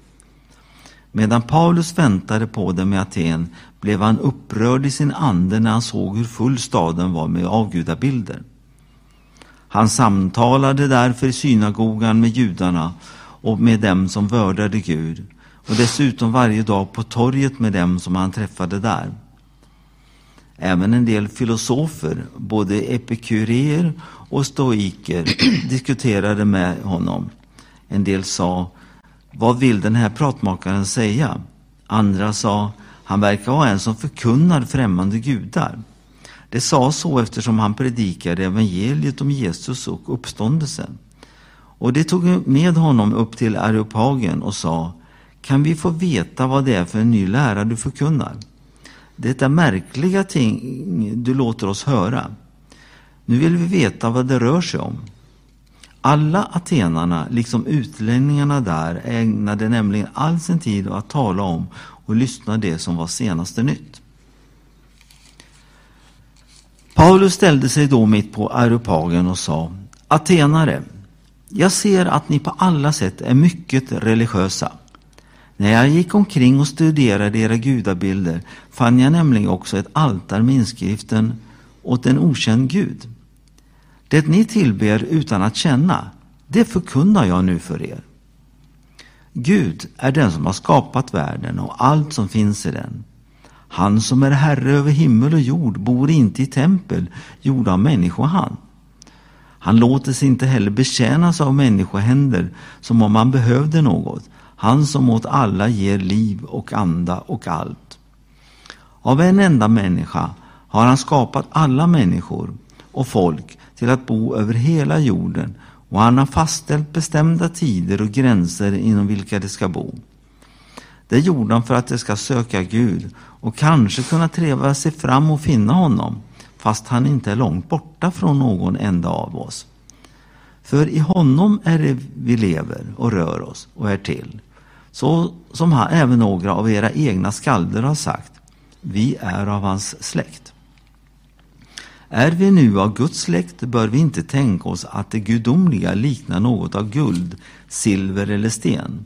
En bild som kommit till av mänsklig konst och fantasi.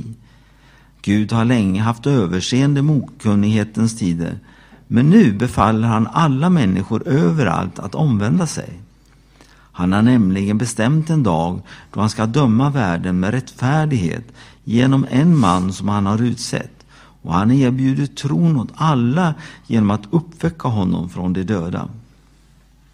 När de hörde Paulus tala om uppståndelsen från de döda började några, några håna honom.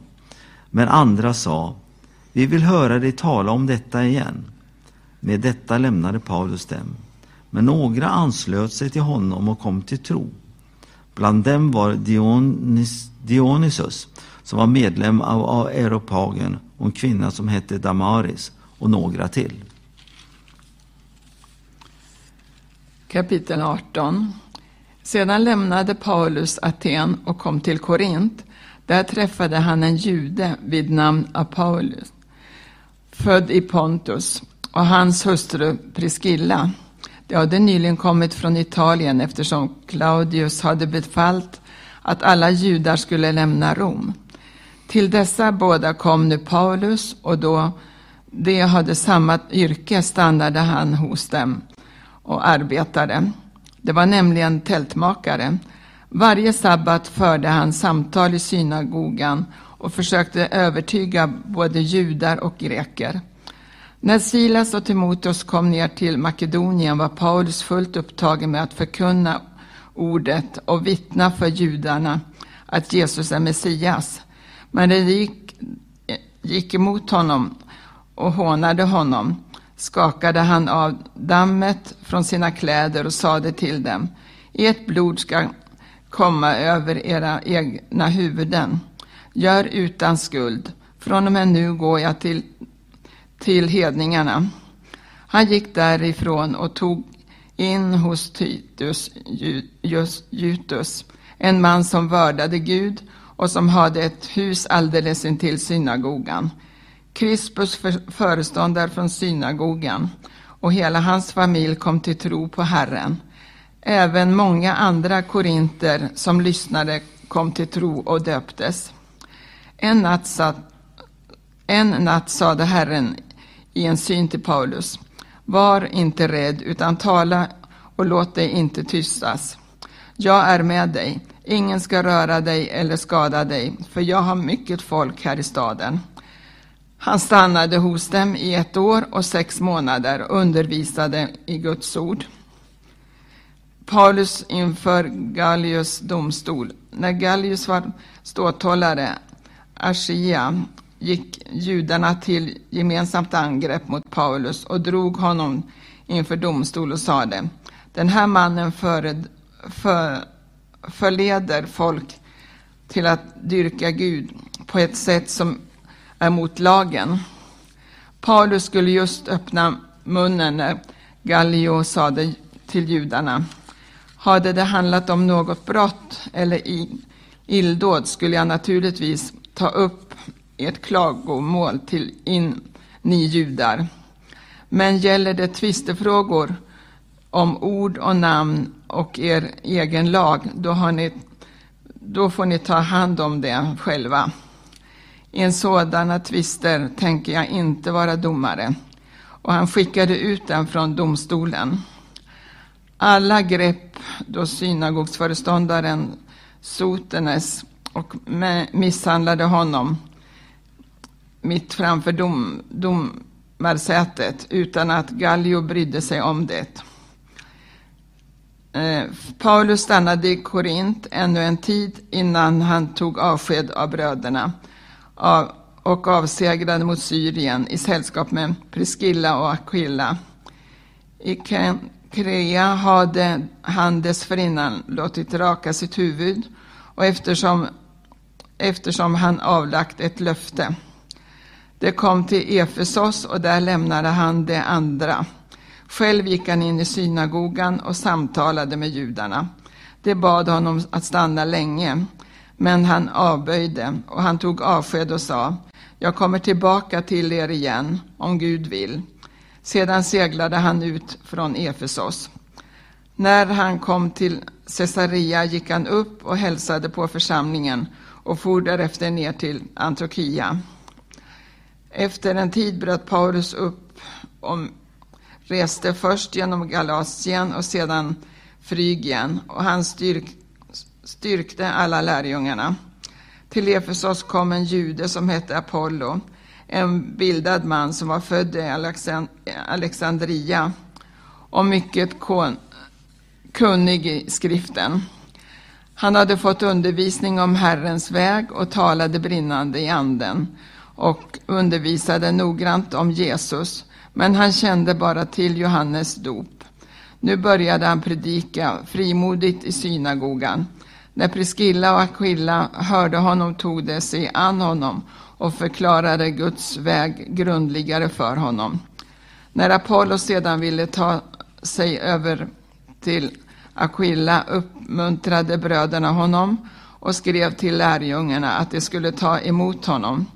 Då kom han kom dit och blev till stor hjälp för dem som genom Guds nåd hade kommit till tro. Han, han motbevisade nämligen judarna med kraft och bevisade offentligt utifrån skriften och att Jesus är Messias. Kapitel 19 Medan Apollos var i Korint kom Paulus ner till Efesos efter att ha rest genom inlandet. Där träffade han några lärjungar och han frågade dem Tog ni emot den heliga ande när ni kom till tro? De svarade honom Nej, vi har inte ens hört att det finns en helig ande. Han frågade Vilket dop blev ni då döpta med? De svarade Med Johannes dop. Paulus sa Johannes döpte med omvändelsens dop och sa åt folket att tro på den som kom efter honom, det vill säga Jesus.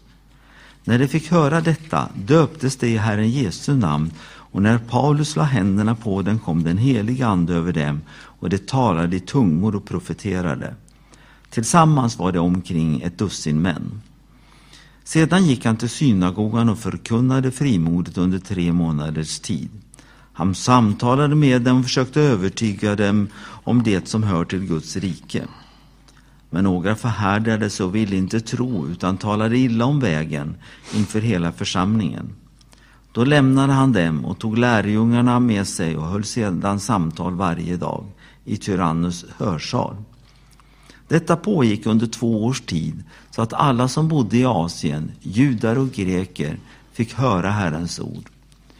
Gud gjorde ovanliga under genom Paulus händer. Man tog till med dukar och plagg som rört vid hans hud och la på de sjuka, och sjukdomarna lämnade dem och de onda andarna for ut. Några kringvandrande judiska andutdrivare försökte sig också på att uttala Herren Jesu namn över dem som hade onda andar. De sa, jag besvärar vid den Jesus som Paulus predikar. Det var sju söner till en viss Skefas, en judisk överstepräst som gjorde så. Men, men den onda anden svarade dem, Jesus känner jag och Paulus vet jag vem det är, men vilka är ni? Och mannen med den onda anden kastade sig över dem, övermannade dem alla och misshandlade dem så svårt att de flydde ur huset nakna och blodiga. Detta blev känt för alla i Efesos, både judar och greker. Alla greps av fruktan och Herren Jesu namn blev prisat. Många av dem som hade blivit troende kom nu och bekände öppet vad de tidigare hade gjort. Åtskilliga av dem som hade utövat magi samlade ihop sina böcker och brände dem offentligt. Man räknade ut vad de var värda och kom fram till 50 000 silverdrakmer. Så fick ordet framgång genom Herren, Herrens kraft och visade sin styrka. När detta var över bestämde sig Paulus i anden för att resa genom Makedonien och Akaja och sedan till Jerusalem. Han sa, när jag har varit där måste jag också besöka Rom. Han sände två av sina medhjälpare, Timoteus och Erastus, till Makedonien och stannade själv kvar en tid i Asien. Vid den tiden bröt ut ett stort upplopp med anledning av vägen. En silversmed som hette Demetrius tillverkade Aritmes tempel i silver, vilka gav hantverkarna stora inkomster. Nu samlade han dem och andra som hade liknande arbeten och sa Herrar, ni vet att vi har vår rikedom från den här verksamheten. Men ni både ser och hör hur den här Paulus fått med sig en mängd människor, inte bara i Efesos utan i nästan hela Asien, med sitt tal om att gudar, gudar gjorda av människohand inte skulle vara några gudar. Det är risk att inte bara vårt hantverk får dåligt rykte, utan också att den stora gudinnan Artemis tempel tappar sitt anseende och att hon ska dyrkas av hela Asien och hela världen förlora sin storhet. När de hörde detta fylldes de av vrede och skrek. Stor är Efesiernas Artemis. Hela staden kom i uppror och folket rusade alla på en gång till teatern. De släpade med sig Gaius och Aristarchus, två makedonier som var Paulus följeslagare. Paulus ville gå in till folket men hindrades av lärjungarna. Några rådsherrar som var hans vänner skickade också bud till honom och bad att han inte skulle ge sig in på teatern. Där skrek några ett, andra något annat. Folkmassan var i uppror och de flesta visste inte ens, ens varför de hade samlats. Några ur hopen förklarade för Alexander vad saken gällde och judarna skickade fram honom. Han gav tecken med handen och ville hålla ett försvarstal inför folket. Men när de märkte att han var jude ropade alla i, ett i en kör i ett par timmar. Stor är Efesiernas Artemis. Men statssekreteraren lugnade folket och sa Efesier, finns det någon enda människa som inte vet att Efesiernas stad är vårdare av den store Artemis tempel och hennes bild som fallit från himlen? Ingen kan förneka det och därför bör ni hålla er lugna och inte göra något förhastat. Ni har dragit hit de här männen som varken har plundrat vårt tempel eller hädat vår gudinna. Och nu, Demetrius, han och hans hantverkare vill väcka åtal mot någon, så finns det domstolar och ståthållare. Där kan de anklaga varandra. Och är det något mer ni vill ta upp, så ska det avgöras i den lagliga folkförsamlingen. Efter det som hänt här idag riskerar vi att anklagas för uppror. Vi kan ju inte eh, ge något skäl om vi ska stå till svars för det här kaotiska mötet. Med dessa ord upplöste han folksamlingen. Kapitel 20 När oroligheterna hade lagt sig kallade Paulus till sig lärjungarna och tröstade och uppmuntrade dem. Sen, kom, sen tog han farväl och begav sig till Makedonien. Han reste genom det området och talade många uppmuntrande ord till bröderna. Därefter kom han till Grekland, där han blev kvar i tre månader. När han sedan skulle avsegla mot Syrien hade judarna planerat en attentat mot honom och han bestämde sig då för att resa tillbaka till Makedonien.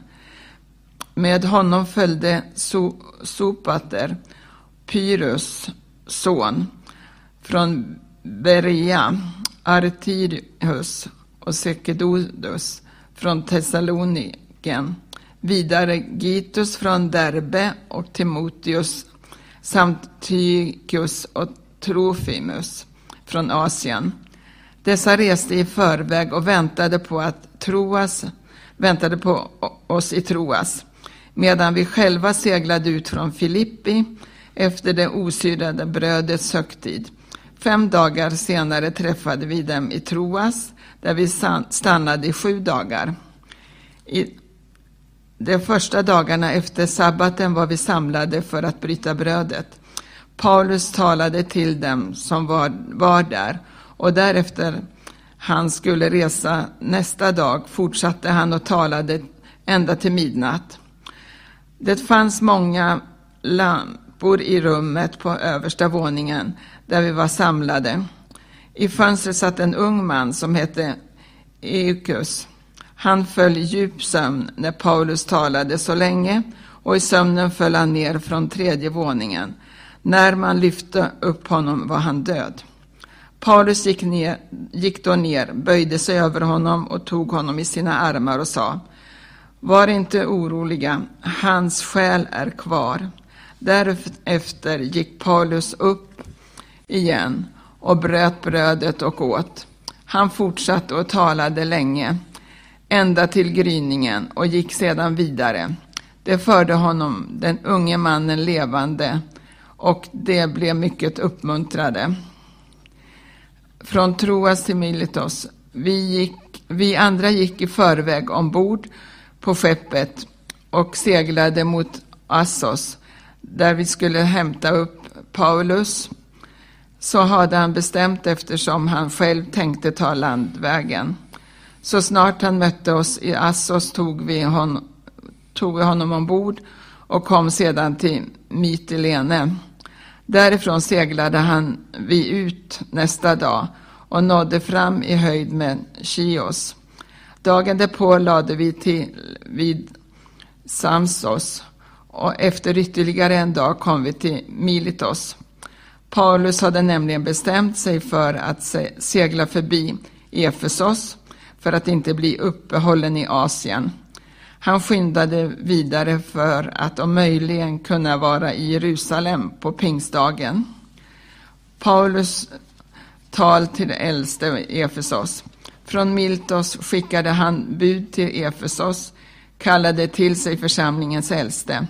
När de var framme hos honom sade han till dem, ni vet hur jag har levt hos er hela tiden, från första dagen jag kom till Asien. Jag har tjänat Herren i all ödmjukhet under tårar och prövningar som mötte mig genom judarnas intriger. Jag har inte hållit tillbaka något som kunde vara till nytta för er, utan jag har predikat och undervisat offentligt och i hemmen och vittnat för både judar och greker om omvändelsen till Gud och tron på vår Herre Jesus. Och nu reser jag bunden i anden till Jerusalem utan att veta vad som ska möta mig där.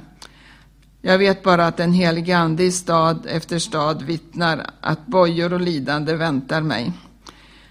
Men jag ser inte mitt liv vara värt något för, för mig själv. Bara jag får fullborda mitt lopp och den uppgift jag fått av Herren Jesus för att vittna om Guds nåds evangelium. Och nu vet jag att ni aldrig kommer mer kommer att se mitt ansikte. Alla ni som har gått omkring hos och predikat riket för. Därför betygar jag idag för er att jag inte är skyldig till något blod. För jag har inte tvekat att förkunna för er Guds vilja och plan. Ge akt på er själva och hela den jord där den helige Ande har satt er som ledare till att vara herdar för Guds församling som man har köpt med sitt eget blod. Jag vet att när jag lämnat er ska rovlystna vargar tränga in bland er och det kommer inte att skona jorden. Ja, bland er själva ska män träda fram som förvränger sanningen för att dra era lärjungar på sin sida. Var därför vakna och kom ihåg att jag i tre års tid, natt och dag, aldrig har slutat förmana var och en av er under tårar. Och nu överlämnar jag er åt Gud och han nåd, hans nåderika ord, som har makt att bygga upp er och ger arvet bland alla som helgats. Silver eller guld eller kläder har jag inte begärt av någon. Ni vet själva att dessa händer har sörjt för mina egna och min, följes, min följeslagares behov.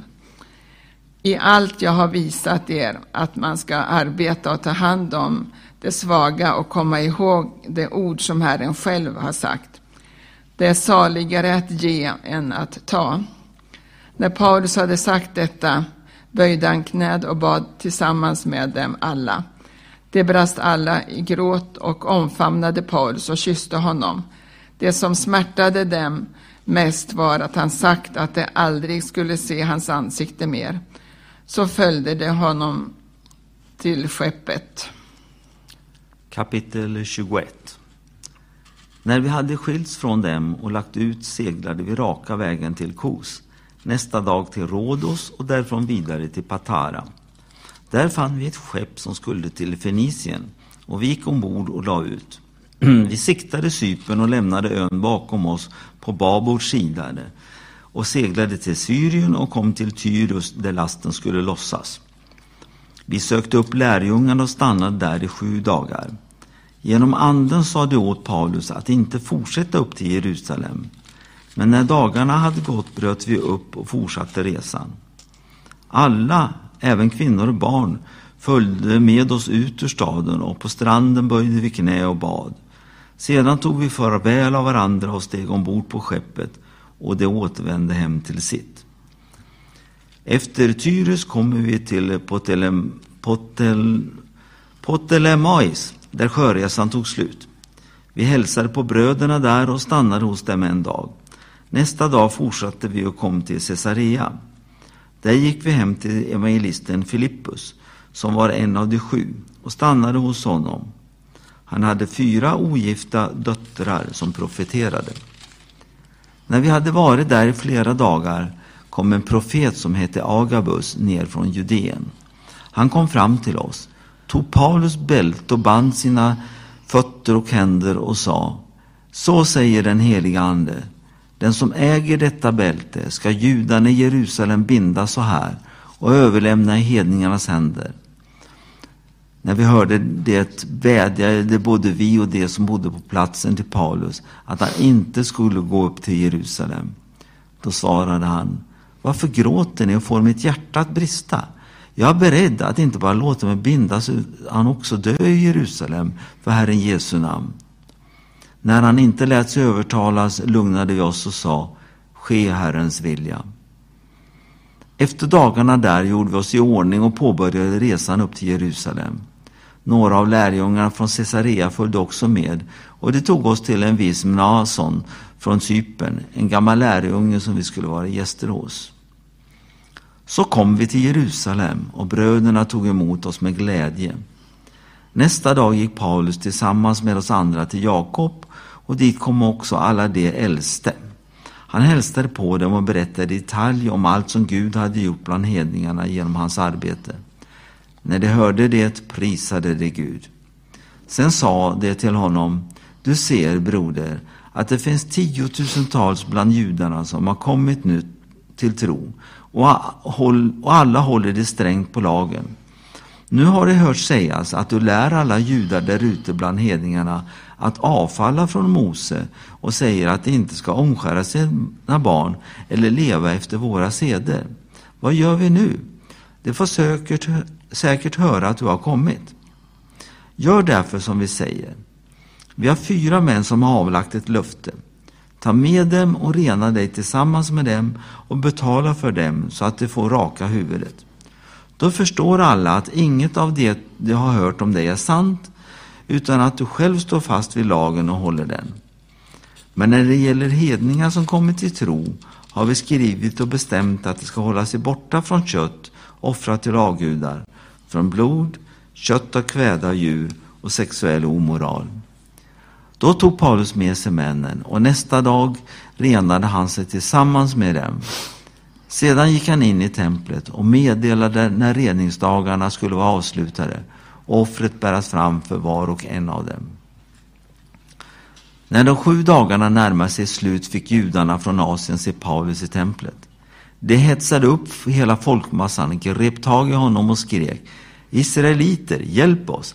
Här är mannen som lär alla överallt att vara emot vårt folk och vår lag och denna plats. Och nu har han till och med tagit in greker i templet och orenat denna heliga plats. De hade nämligen sett Trofimus från Efesos ut i staden med Paulus och antog att Paulus hade tagit med honom in i templet. Hela staden kom i rörelse och folk strömmade till. Den grep tag i Paulus och släpade honom ut ur templet och genast stängdes portarna. Medan de försökte döda honom fick garnisonens befälhavare rapport om att Jerusalem var i uppror. Han tog då genast soldater och befäl och ryckte ut mot dem. Så snart de fick se befälhavaren och soldaterna slutade de att misshandla Paulus. Befälhavaren steg då fram, grep honom och befallde att han skulle beläggas med dubbla bojor. Sen frågade han vem han var och vad han hade gjort. Några i folkmassan skrek ett, andra något annat. Då han i kaoset inte kunde få klart besked befallde han att Paulus skulle föras till fästningen. När de nådde trappan var soldaterna tvungna att bära honom. Så våldsamt trängde folkmassan på. För de följde efter och skrek ”Bort med honom!” Just när Paulus skulle föras in i fästningen frågade han befälhavaren ”Får jag säga någonting till dig?” Han svarade ”Du kan ju grekiska. Då är du inte Egyptien som gjorde uppror för en tid sedan och fick med sig de fyra tusen knivmännen ut i öknen?” Paulus svarade jag är jude från Tarsus i Kirikien, medborgare i en betydande stad. Jag ber dig, låt mig få tala till folket. Befälhavaren gav sin tillåtelse. Paulus ställde sig då på trappan och gav tecken med handen åt folket. Det blev tyst och han talade till dem på hebreiska och sa. Kapitel 22. Bröder och fäder, hör vad jag nu har att säga er till mitt försvar. När de hörde att han talade till dem på hebreiska blev, blev det ännu tystare och han fortsatte. Jag är jude, född i Tarsus i Kikien och uppvuxen här i stan. Vid Gamaliels fötter blev jag grundligen undervisad i våra fäders lag och jag var lika ivrig att tjäna Gud som ni alla är idag. Jag, för, jag förföljde den vägen ända till döds och grep både män och kvinnor och satte dem i fängelse. Det kan översteprästen och hela Stora rådet intyga. Av dem fick jag med mig brev till bröderna i Damaskus och jag satte dit, sattes dit och jag satte mig dit. Reste. Eh, reste dit för att gripa även dem som fanns där och föra dem till Jerusalem där de skulle få sitt straff. Men när jag var på väg och nämnde, närmade mig Damaskus mitt på dagen strålade plötsligt en starkt ljus från himmelen omkring mig. Jag föll till marken och hörde en röst som sade till mig Saulus, Saulus, varför följer du mig? Jag frågade, vem är du, Herre? Han svarade, jag är Jesus från Nasaret, den som du förföljer. Och det som var med mig såg ljuset men uppfattade det inte rösten som talade till mig. Jag frågade, vad ska jag göra, Herre? Herren sade till mig, res dig och gå in till Damaskus. Där ska du få veta som det är bestämt att du ska göra. Men efter strålglansen från ljuset kunde jag inte se. Så mina följeslagare tog min hand och ledde mig så att jag kom till Damaskus. En viss Ananias, en from och lagtrogen man, som alla judar i staden talade väl om, kom till mig och ställde mig vid min sida och sa, Saulus, min broder, du får tillbaka din syn. I samma ögonblick kunde jag se honom. Då sade Ananias, våra fäders Gud har utvalt dig till att lära känna hans vilja och se den rättfärdige och höra rösten från hans mun. Då du skulle vara hans vittne inför alla människor och vittna om vad du har sett och hört. Och nu, du, vad du väntar du på. Res dig och låt dig döpas och tvättas ren från dina synder och åkalla hans namn. När jag sedan återvände till Jerusalem och bad i templet kom jag i hänryckning. Jag såg honom och han sa till mig, skynda dig och lämna Jerusalem fort, för här kommer det inte att ta emot ditt vittnesbörd om mig. Jag sade, Herre, det vet ju att jag i, din, jag i den ena synagogan efter den andra lät fängsla och piskas dem som trodde på dig. Och när de vittnade, den, och när ditt vittne Stefanus blev, blod blev utgjutet stod jag själv där och samtyckte och vaktade mantlarna åt dem som mördade honom. Då sade han till mig, gå för jag ska sända dig långt bort till hedningarna. Paulus hos befälhavaren, så långt hade de lyssnat på honom, men nu ropade de högt, bort från jorden med den människan, han borde inte få leva. Då skrek de, slet, Eh, slet av sig mantlarna och kastade upp, upp damm i luften. Befälhavaren beordrade då att Paulus skulle föras in i fästningen och förhöras under piskrapp så att man fick veta varför det skrek åt så mot honom. När de hade sträckt ut honom för piskan sade Paulus till officeraren som stod där. Får ni, pisk, får ni piska er romska, romerska medborgare som inte ens är dömd för något? Så snart officeraren hörde det gick han till befälhavaren och berättade det och sade Vad är det du tänker göra? Den här mannen är romersk medborgare då gick befälhavaren dit och frågade honom, säg mig, är du verkligen romersk medborgare? Paulus svarade, ja. Befälhavaren sade, jag fick betala en stor summa pengar för den medborgarskapet. Paulus svarade, men jag är född med det. Det som skulle förhöra honom drog sig genast för, för den här gången. När jag får tid ska jag kalla på dig. Samtidigt hoppades han att Paulus skulle erbjuda honom pengar. Därför lät han ofta hämta honom och samtalade med honom. När två år hade gått efterträdde Felix av Porcius Festus och då Felix ville hålla sig väl med judarna lät han Paulus bli kvar i fängelset. Även befälhavaren blev förskräckt när han förstod att det var en romersk, eh, romersk medborgare som han hade belagt med bojor. Nästa dag ville han få ett klart besked om vad judarna anklagade Paulus för. Han lät därför ta av honom bojorna och befallde att översteprästerna och hela stora rådet skulle samlas. Sedan förde han ner Paulus och ställde honom inför dem. Kapitel 23 Paulus såg på Stora rådet och sa Bröder, jag har levt inför Gud med ett fullkomligt rent samvete intill denna dag. Då befallde översteprästen Ananias, den som stod bredvid honom, att slå, att slå Paulus över munnen. Men Paulus sa till honom, Gud ska slå dig din vitkalkade väg. Du sitter här för att döma mig efter lagen, men du bryter mot lagen när du befaller att det ska slå mig. Det som stod bredvid sa, förolämpar du Guds överstepräst?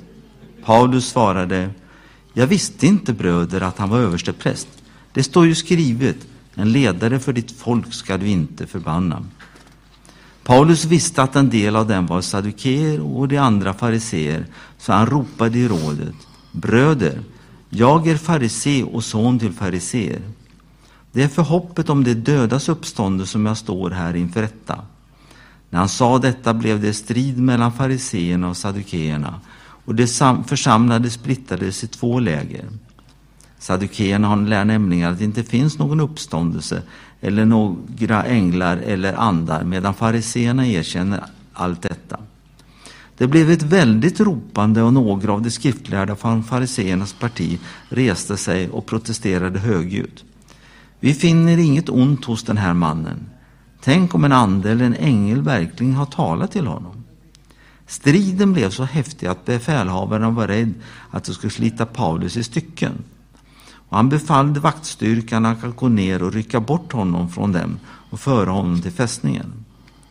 På natten stod Herren hos honom och sa Var frimodig, så som du har vittnat om mig i Jerusalem måste du vittna även i Rom. När det blev dag eh, gjorde judarna upp en hemlig plan och svor en ed på att varken äta eller dricka förrän de hade dödat Paulus. Det var mer än 40 man som var med i den sammansvärjningen. De gick till översteprästerna och de äldste och sa Vi har svurit en ed att inte smaka något förrän vi har dödat Paulus. Nu kan ni tillsammans med rådet meddela att befälhavaren att han ska skicka ner honom till er. Låt honom tro att ni vill undersöka hans sak närmare. Vi står redo att döda honom innan han kommer fram. Men Paulus systerson fick höra talas om bakhållet och han kom till fästningen och gick in och berättade det för Paulus. Då kallade Paulus till sig en, officer, en av officerarna och sa Ta den här unge mannen till befälhavaren. Han har något att berätta för honom. Officeren tog med honom till befälhavaren och sa Fången Paulus kallade på mig och bad mig ta den här unge mannen till dig. Han har visst något att berätta för dig. Befälhavaren tog hans hand, gick avsides med honom och frågade Vad är du har att meddela mig? Han svarade Judarna har kommit överens om att be dig skicka ner Paulus till rådet imorgon och låta dig tro att de ska utreda hans sak närmare. Men låt dem inte övertala dig, för mer än 40 av dem ligger i bakhåll för honom. De har svurit en ed att varken äta eller dricka förrän de har dödat honom. Och nu står de och väntar på att du ska säga ja till deras begäran. Befälhavaren skickade iväg den unge mannen med uppmaningen Tala inte om för någon att du har avslöjat det här för mig.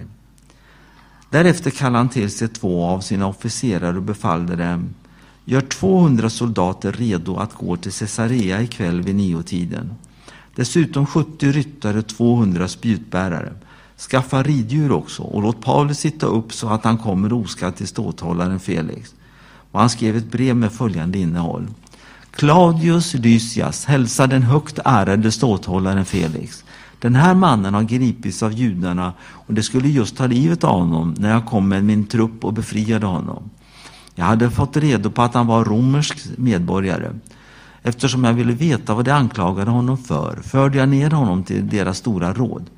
Då fann jag att anklagelserna gällde tvistefrågor i deras lag och att han inte var anklagad för något som ger dödsstraff eller fängelse. När jag sedan blev underrättad om en sammansvärjning mot mannen sände jag honom genast till dig. Jag har också uppmanat hans anklagare att föra sin talan mot honom inför dig. Soldaterna tog då med sig Paulus enligt orden de fått och förde honom under natten till Antipatris. Nästa dag lät de ryttarna fortsätta med honom och återvände själva till fästningen. Ryttarna kom till Caesarea, lämnade fram brevet till ståthållaren och överlämnade Paulus till honom. Felix läste det och frågade från vilken provins han var. När han fick veta att han var från Kirikien sa han, jag ska höra dig när dina anklagare också har kommit. Sedan befallde han att Paulus skulle stå under bevakning i Herodes palats.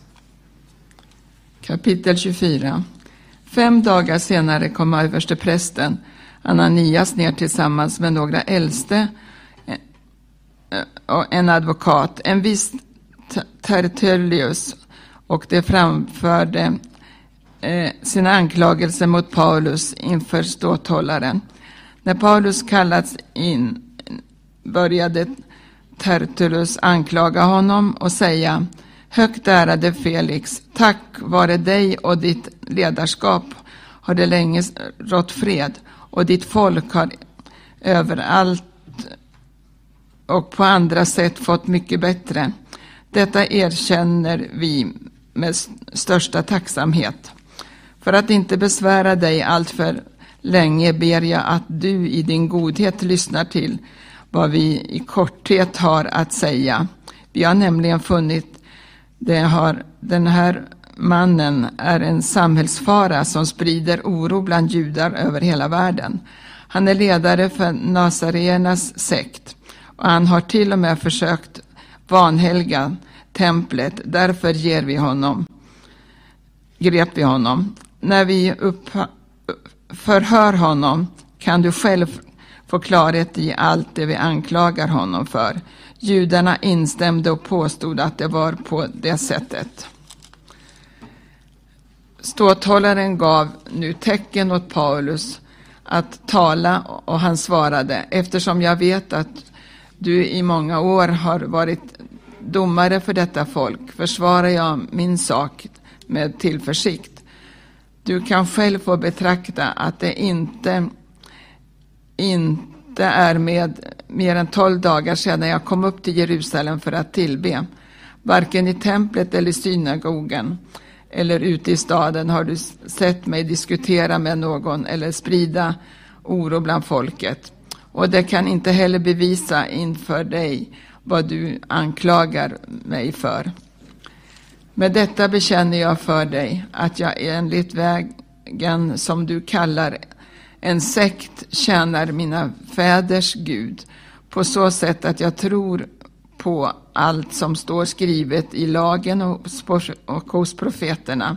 Och jag har samma hopp till Gud som, du, som det, att både rättfärdiga och orättfärdiga ska uppstå en gång. Därför strävar jag också själv efter att alltid ha gott samvete inför Gud och människor. Efter flera år kom jag tillbaka för att överlämna gåvor åt mig, mitt folk och frambära offer. Då fann de mig i templet när jag hade renat mig och där var ingen folkmassa och ingen tumult. Men det fanns några judar från Asien och egentligen borde det stå här inför dig och anklaga mig och det hade något att anföra emot mig. Annars får dessa män själva tala om vilket brott de fann mig skyldig till när jag stod inför Stora rådet. Och det var inte denna enda sak som jag ropade när jag stod bland dem. Det är för de dödas uppståndelse som jag idag står här och anklagade inför er. Eh, Paulus i fängelse. Felix som mycket väl kände till vägen sköt nu upp rättegången och sade när befälhavaren Lysias kommer hit ner ska jag avgöra målet. Han befall, befallde officeraren att hålla Paulus i förvar men samtidigt ge honom viss lättnad och inte hindra någon av hans vänner från att hjälpa honom. Några dagar senare kom Felix tillsammans med sin hustru Drusilla, som var judinna. Han lät hämta Paulus och hörde honom tala om tron på Kristus Jesus. Men när Paulus talade om rättfärdighet och självbehärskning och det kommande domen blev Felix förskräckt och sa Gå din väg för den här gången. När jag när jag får tid ska jag kallas på dig. Samtidigt hoppades han att Paulus skulle erbjuda honom pengar. Därför lät han ofta hämta honom och samtala med honom. När två år hade gått efter trädde Felix på Sidus Festus och då Felix ville hålla sig väl med judarna lät han Paulus bli kvar i fängelset. Kapitel 25 När Festus hade anlänt till provinsen reste han efter tre dagar från Caesarea upp till Jerusalem. Översteprästerna och judarnas ledare framförde då sina anklagelser mot Paulus. De vände sig till Festus och bad att han skulle visa dem godheten att låta Paulus föras till Jerusalem. De planerade nämligen ett bakhåll för att döda honom på vägen. Men Festus svarade att Paulus skulle hållas kvar i Caesarea och att han själv snart skulle resa tillbaka dit. Han sa, de som är ledare bland er kan följa med och har man gjort något orätt kan de lägga fram sina anklagelser mot honom. Festus stannade hos dem i högst åtta eller tio dagar och reste sedan ner till Caesarea. Dagen därpå tog han plats på domarsätet och befallde att Paulus skulle föras in.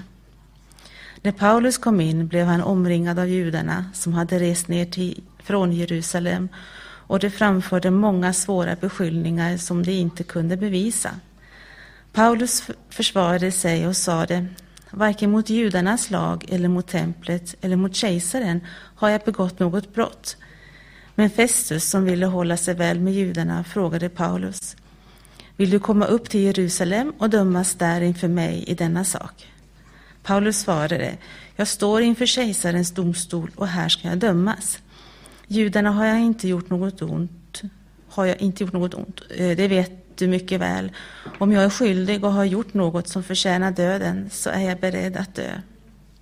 Men om det inte ligger något i deras anklagelser kan ingen utlämna mig åt dem. Jag vädjar till kejsaren.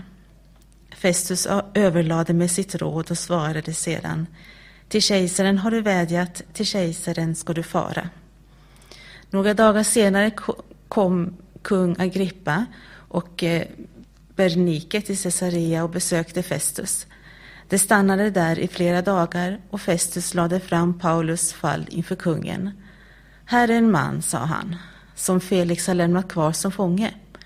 När jag, jag var i Jerusalem framförde judarnas överste präster och äldste klagomål mot honom och krävde att få honom dömd.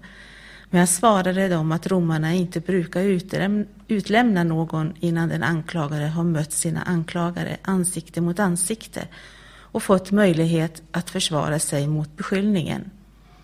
När det sedan kom hit sköt jag inte upp saken utan satte mig redan nästa dag på domarsätet och befallde att mannen skulle föras fram. Men när eh, hans anklagare steg fram beskyllde de honom inte för sådana brott som jag hade väntat mig.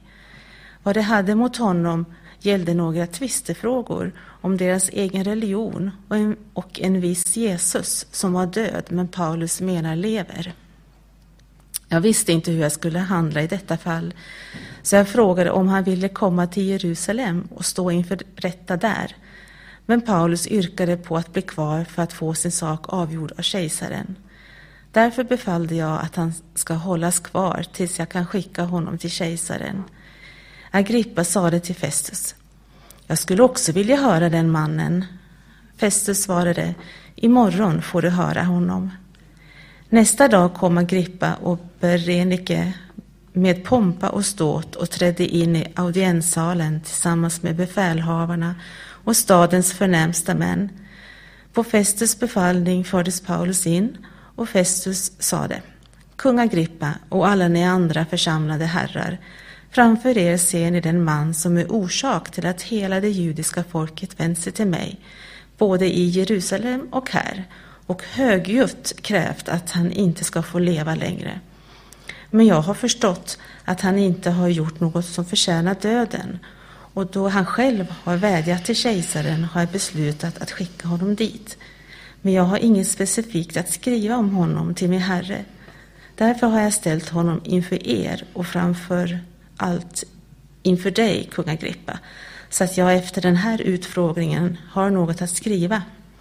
Jag ser ju ingen mening med att skicka en fånge utan att ange vad han är anklagad för.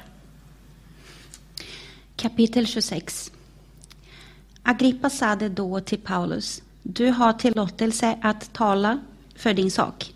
Då räckte Paulus ut handen och började tala till sitt försvar.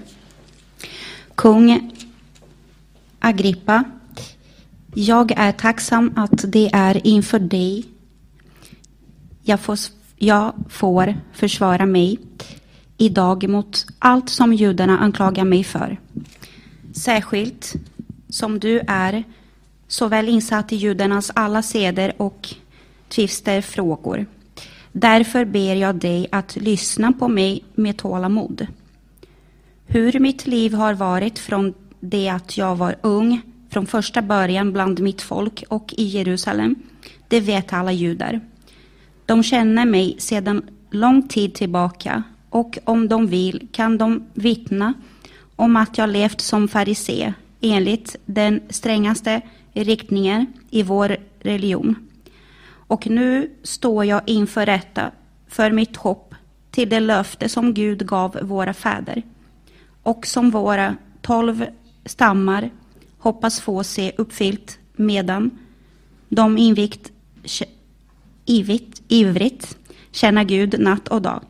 För det hoppet, kung Agrippa, står jag anklagad av judarna. Varför anses det otroligt bland er att Gud uppväcker döda? Själv såg jag det som min plikt att göra allt för att bekämpa Jesu Nazarens namn. Och det gjorde jag också i Jerusalem.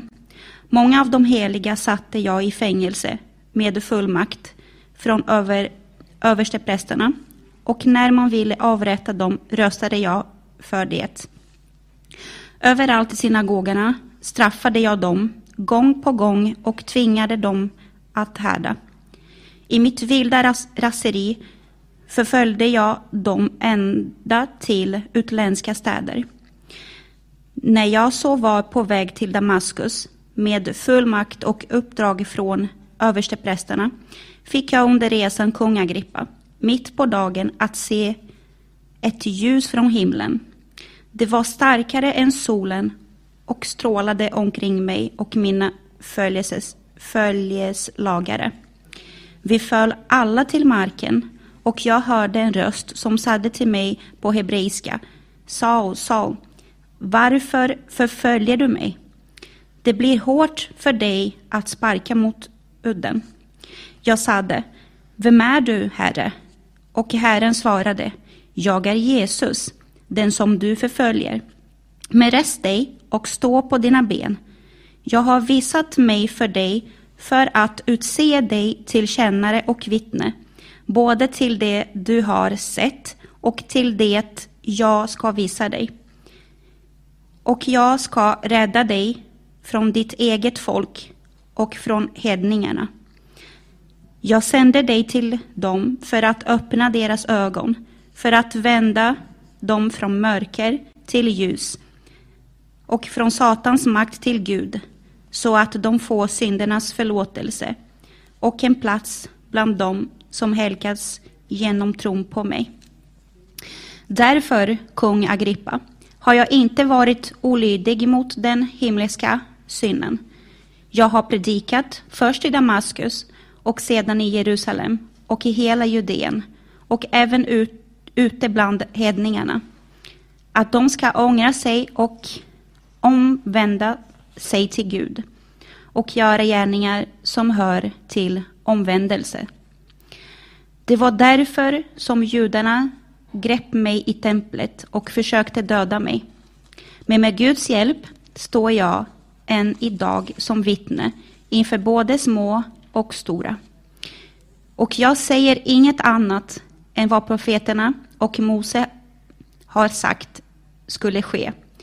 Att Messias skulle lida och att han som den första och första som uppstått från de döda skulle förkunna ljuset både för vårt, vårt folk, folk och för hedningarna. När han sade detta i sitt försvarstal, försvarstal ropade Festus, du är galen Paulus. Din stora lärdom driver dig till vanvett. Men Paulus svarade, jag är inte galen. Högt ärade Festus. Det, det jag säger är sant och förnuftig. Kungen känner ju till allt detta och därför talar jag också öppet och rakt till honom. Jag tror inte att något av detta är obekant för honom. Det är ju inte i någon avkrock av det har hänt. Tror du på profeterna, kung Agrippa? Jag vet att du tror. Agrippa svarade Paulus, snart övertalar du väl mig att bli kristen? Paulus svarade, snart eller längre fram inför Gud önskar jag att inte bara du, utan alla som hör mig idag blir som jag, bortsett från de här böjerna. Kungen reste sig nu tillsammans med ståthållaren och Berenike och de, and och de andra som satt där. Och när de hade kommit ut sade de till varandra. Den mannen gör inte något som förtjänar död eller fängelse. Och Agrippa sade till Festus, den mannen hade kunnat friges om han inte hade vädjat, vädjat till kejsaren. Kapitel 27 när det var bestämt att vi skulle avsegla mot Italien överlämnade man Paulus och några andra fångar till en officer som hette Julius och som tillhörde den kejserliga vakten. Vi gick ombord på ett skepp från Adramytium som skulle gå till hamnarna längs Asiens kust och lade ut. Aristarchus, en makedonier från Thessalonike, var med oss. Dagen därpå lade vi till i Sidon. Julius, som behandlade Paulus väl, lät honom gå till sina vänner och ta emot deras omsorg. När vi hade lagt ut därifrån seglade vi i lä av Cypern eftersom vi hade motvind. Vi seglade över öppna havet längs kusten av eh, Kilikien och Pamfylien och lade till vid Myra i Lykien. Där fann officeren ett skepp från Alexandria som skulle till Italien och han tog oss ombord på det. Under åtskilliga dagar gick seglingen långsamt och då vi knappt nådde fram till Knidos och, och vinden inte lät oss fortsätta seglade vi ner i lä av Kreta vid Sal Salmone. Salm. Vi följde kusten med stor svårighet och kom till en plats som kallas Goda hamnan, hamnarna, nära staden Lasea. Det hade nu gått lång tid och sjöresan hade blivit farlig efter, eftersom fastedagen redan var förbi. Paulus varnade dem därför och sa, ni män, jag ser att den här sjöresan kommer att medföra skada och stor förlust, inte bara av last och skepp utan också av våra liv. Men officeren litade mer på styrmannen och skeppsägaren än på vad Paulus sade. Och då hamnen, hamnen inte låg bra till för att övervintra bestämde sig de flesta för att gå ut därifrån och försöka nå Fenix, en hamn på Kreta som vetter mot sydväst och nordväst. Där tänkte de tillbringa vintern. När så en svag sydlig vind blåste upp tänkte de att de skulle lyckas med sin föresats.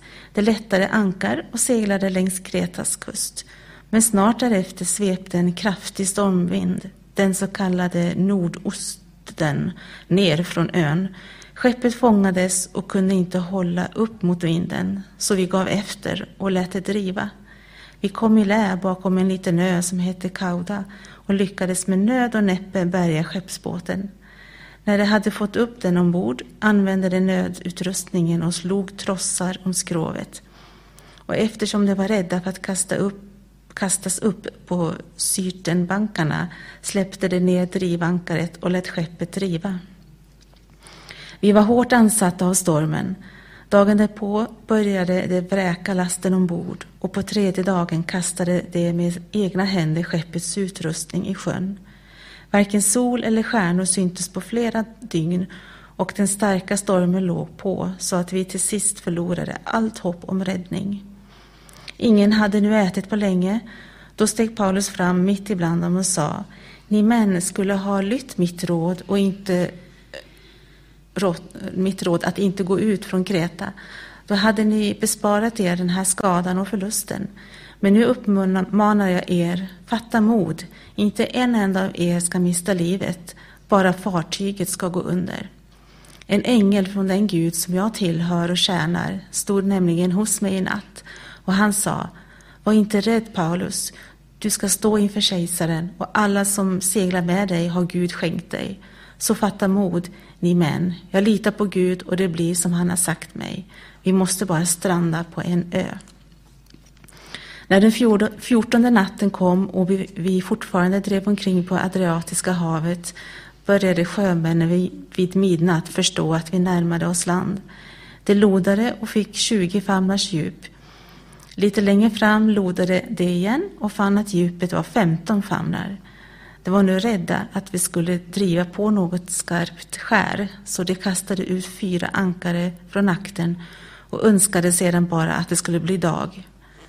Men sjömännen gjorde ett försök att fly från skeppet. De firade ner livbåten i sjön under förevändning att de skulle kasta ut ankare från fören. Paulus sa det till officeren och soldaterna. Om inte det stannar kvar ombord kan ni inte bli räddade. Då kapade soldaterna trossarna på skeppsbåten och lät den driva bort. Strax innan det, bör, innan det började dagas uppmanade Paulus alla att äta. Han sa, i 14 dagar har ni, ni nu väntat och varit utan mat och inte ätit. Därför uppmanar jag er att äta. Det behöver ni för att bli räddade, för att ingen av er ska mista så mycket som ett hårstrå på sitt huvud. När han hade sagt detta tog han ett bröd, tackade Gud inför dem alla, bröt det och började äta. Då fick alla nytt mod och tog sig mat det också. Vi var allt som allt 276 personer ombord. Efter att ha ätit sig mätta lättade det skeppet genom att kasta vetelasten i sjön. När det blev dag kände de inte igen landet, men de fick syn på en bukt med sandstrand och bestämde sig för att om möjligt låta skeppet riva upp där. De kapade ankarna och lämnade dem i havet.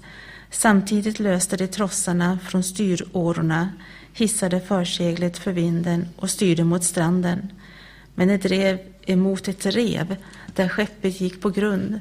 Fören borrade sig in och stod orubbligt fast medan akten började bryta sönder av de kraftiga bränningarna. Soldaternas plan var då att döda fångarna så att ingen skulle kunna simma iväg och fly. Men officeren ville rädda Paulus och hindrade dem från att utföra sin plan. Han befallde att de simkunniga skulle hoppa i vattnet först och ta sig i land och därefter de övriga, en del på plankor och andra på vrakdelar från skeppet. På det sättet blev alla räddade och kom i land. Kapitel 28 När vi väl var räddade fick vi veta att ön heter Malta. Lokalbefolkningen visade oss en ovanligt stor vänlighet.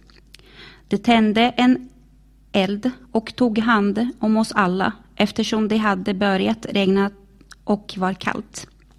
Paulus hade just samlade, samlat ett fång kvistar och lagt på elden när en huggorm kröp upp på grund av hetan och högg sig fast i hans hand. När de inför inf, infödda såg ormen hänga från hans hand sade de till varandra. Den här mannen är säkert en mördare. Trots att han blev räddade från havet lät inte rättvisan honom leva. Men Paulus skakade av sig ormen ner i elden och tog ingen skada. Folket väntade sig att han skulle svullna upp eller plötsligt falla ner död. När de väntade länge och sett att inget ovanligt hände honom ändrade de sig och sade att han var en gud. I trakten runt den platsen fanns det lantgårdar som tillhörde Publius, stormannen på ön. Han tog vänligt emot oss som sina gäster i tre dagar. Publius får lag just då sjuk i feber och svar diarré. Paulus gick in till honom, bad och lade händerna på honom och botade honom. Efter den händelsen kom också andra sjuka på ön till honom och blev botade. De visade oss sin uppskattning på många sätt och när vi skulle segla försåg de oss med vad vi behövde. Efter tre månader seglade vi ut med ett, med ett skepp som hade övervintrat vid ön. Det kom från Alexandria och hade tvillingarna som galjonsfigur. Vi lade till vid Syrakusta och stannade där i tre dagar. Därifrån följde vi kusten och kom till regi region. En dag senare fick vi synlig vind. Och den andra dagen kom vi till Puteoli. Puteoli. Där fann vi bröder som bjöd in oss att stanna hos dem i sju dagar. Och så fortsatte vi till Rom. Bröderna där hade fått besked om oss. Och de kom ut ända till Forum, Appi och Tres Tabernae för att möta oss. Då Paulus fick se dem tackade han Gud och fick nytt mod. När vi kom fram till Rom fick Paulus tillstånd att bo för sig själv tillsammans med den soldat som skulle bevaka honom. Tre dagar senare kallade han till sig de ledande bland judarna och när de var samlade sade han till dem Bröder, jag har inte gjort något ont mot vårt folk eller våra fäd fäders neärvda seder. Trots det blev jag fängla, fänglad i Jerusalem och utlämnad i romars händer. När de hade förhört mig ville de frige mig eftersom jag inte var skyldig till något som förtjänade döden. Men judarna var emot det. Och då var jag tvungen att vädja till kejsaren, dock utan att anklaga mitt folk. Så det är därför jag kallat hit er, för att träffa er och tala med er. Det är nämligen för Israels hopp som jag bär dessa böjor. De svarade honom, vi har inte fått något brev om dig från Judeen och ingen av bröderna som kommit har berättat eller sagt något ont om dig. Men vi vill gärna höra från dig vad du tänker, för vi vet att den här sekten blir motsagt överallt. Det bestämde en dag för honom och då kom ännu fler till hans bostad. Från morgon till kväll förklarade han för dem och vittnade, vittnade om Guds rike och försökte övertyga dem om Jesus utifrån både Mose lag och profeterna. Vissa lät sig övertygas av hans ord, men andra ville inte tro. När de inte kunde komma överens skildes de åt efter att Paulus hade sagt detta enda ord. Den helige Ande talade rätt genom profeten Jesaja till era fäder när han sade Gå till detta folk och säg Ni ska höra, men inte förstå. Och ni ska se, men inte inse. För detta folks hjärta är förhärdad, förhärdat. Det hör illa med sina öron och sluter sina ögon, så att det inte ser med ögonen eller hör med öronen eller förstår med hjärtat och vänder om så att jag får hela dem. Därför ska ni veta att denna Guds frälsning är sänd till hedningarna och de kommer att lyssna. I två hela år bodde Paulus i den bostad som han hade hyrt och han tog emot alla som kom till honom. Han predikade Guds rike och undervisade med stor frimodighet om Herren Jesus Kristus utan att bli hindrad.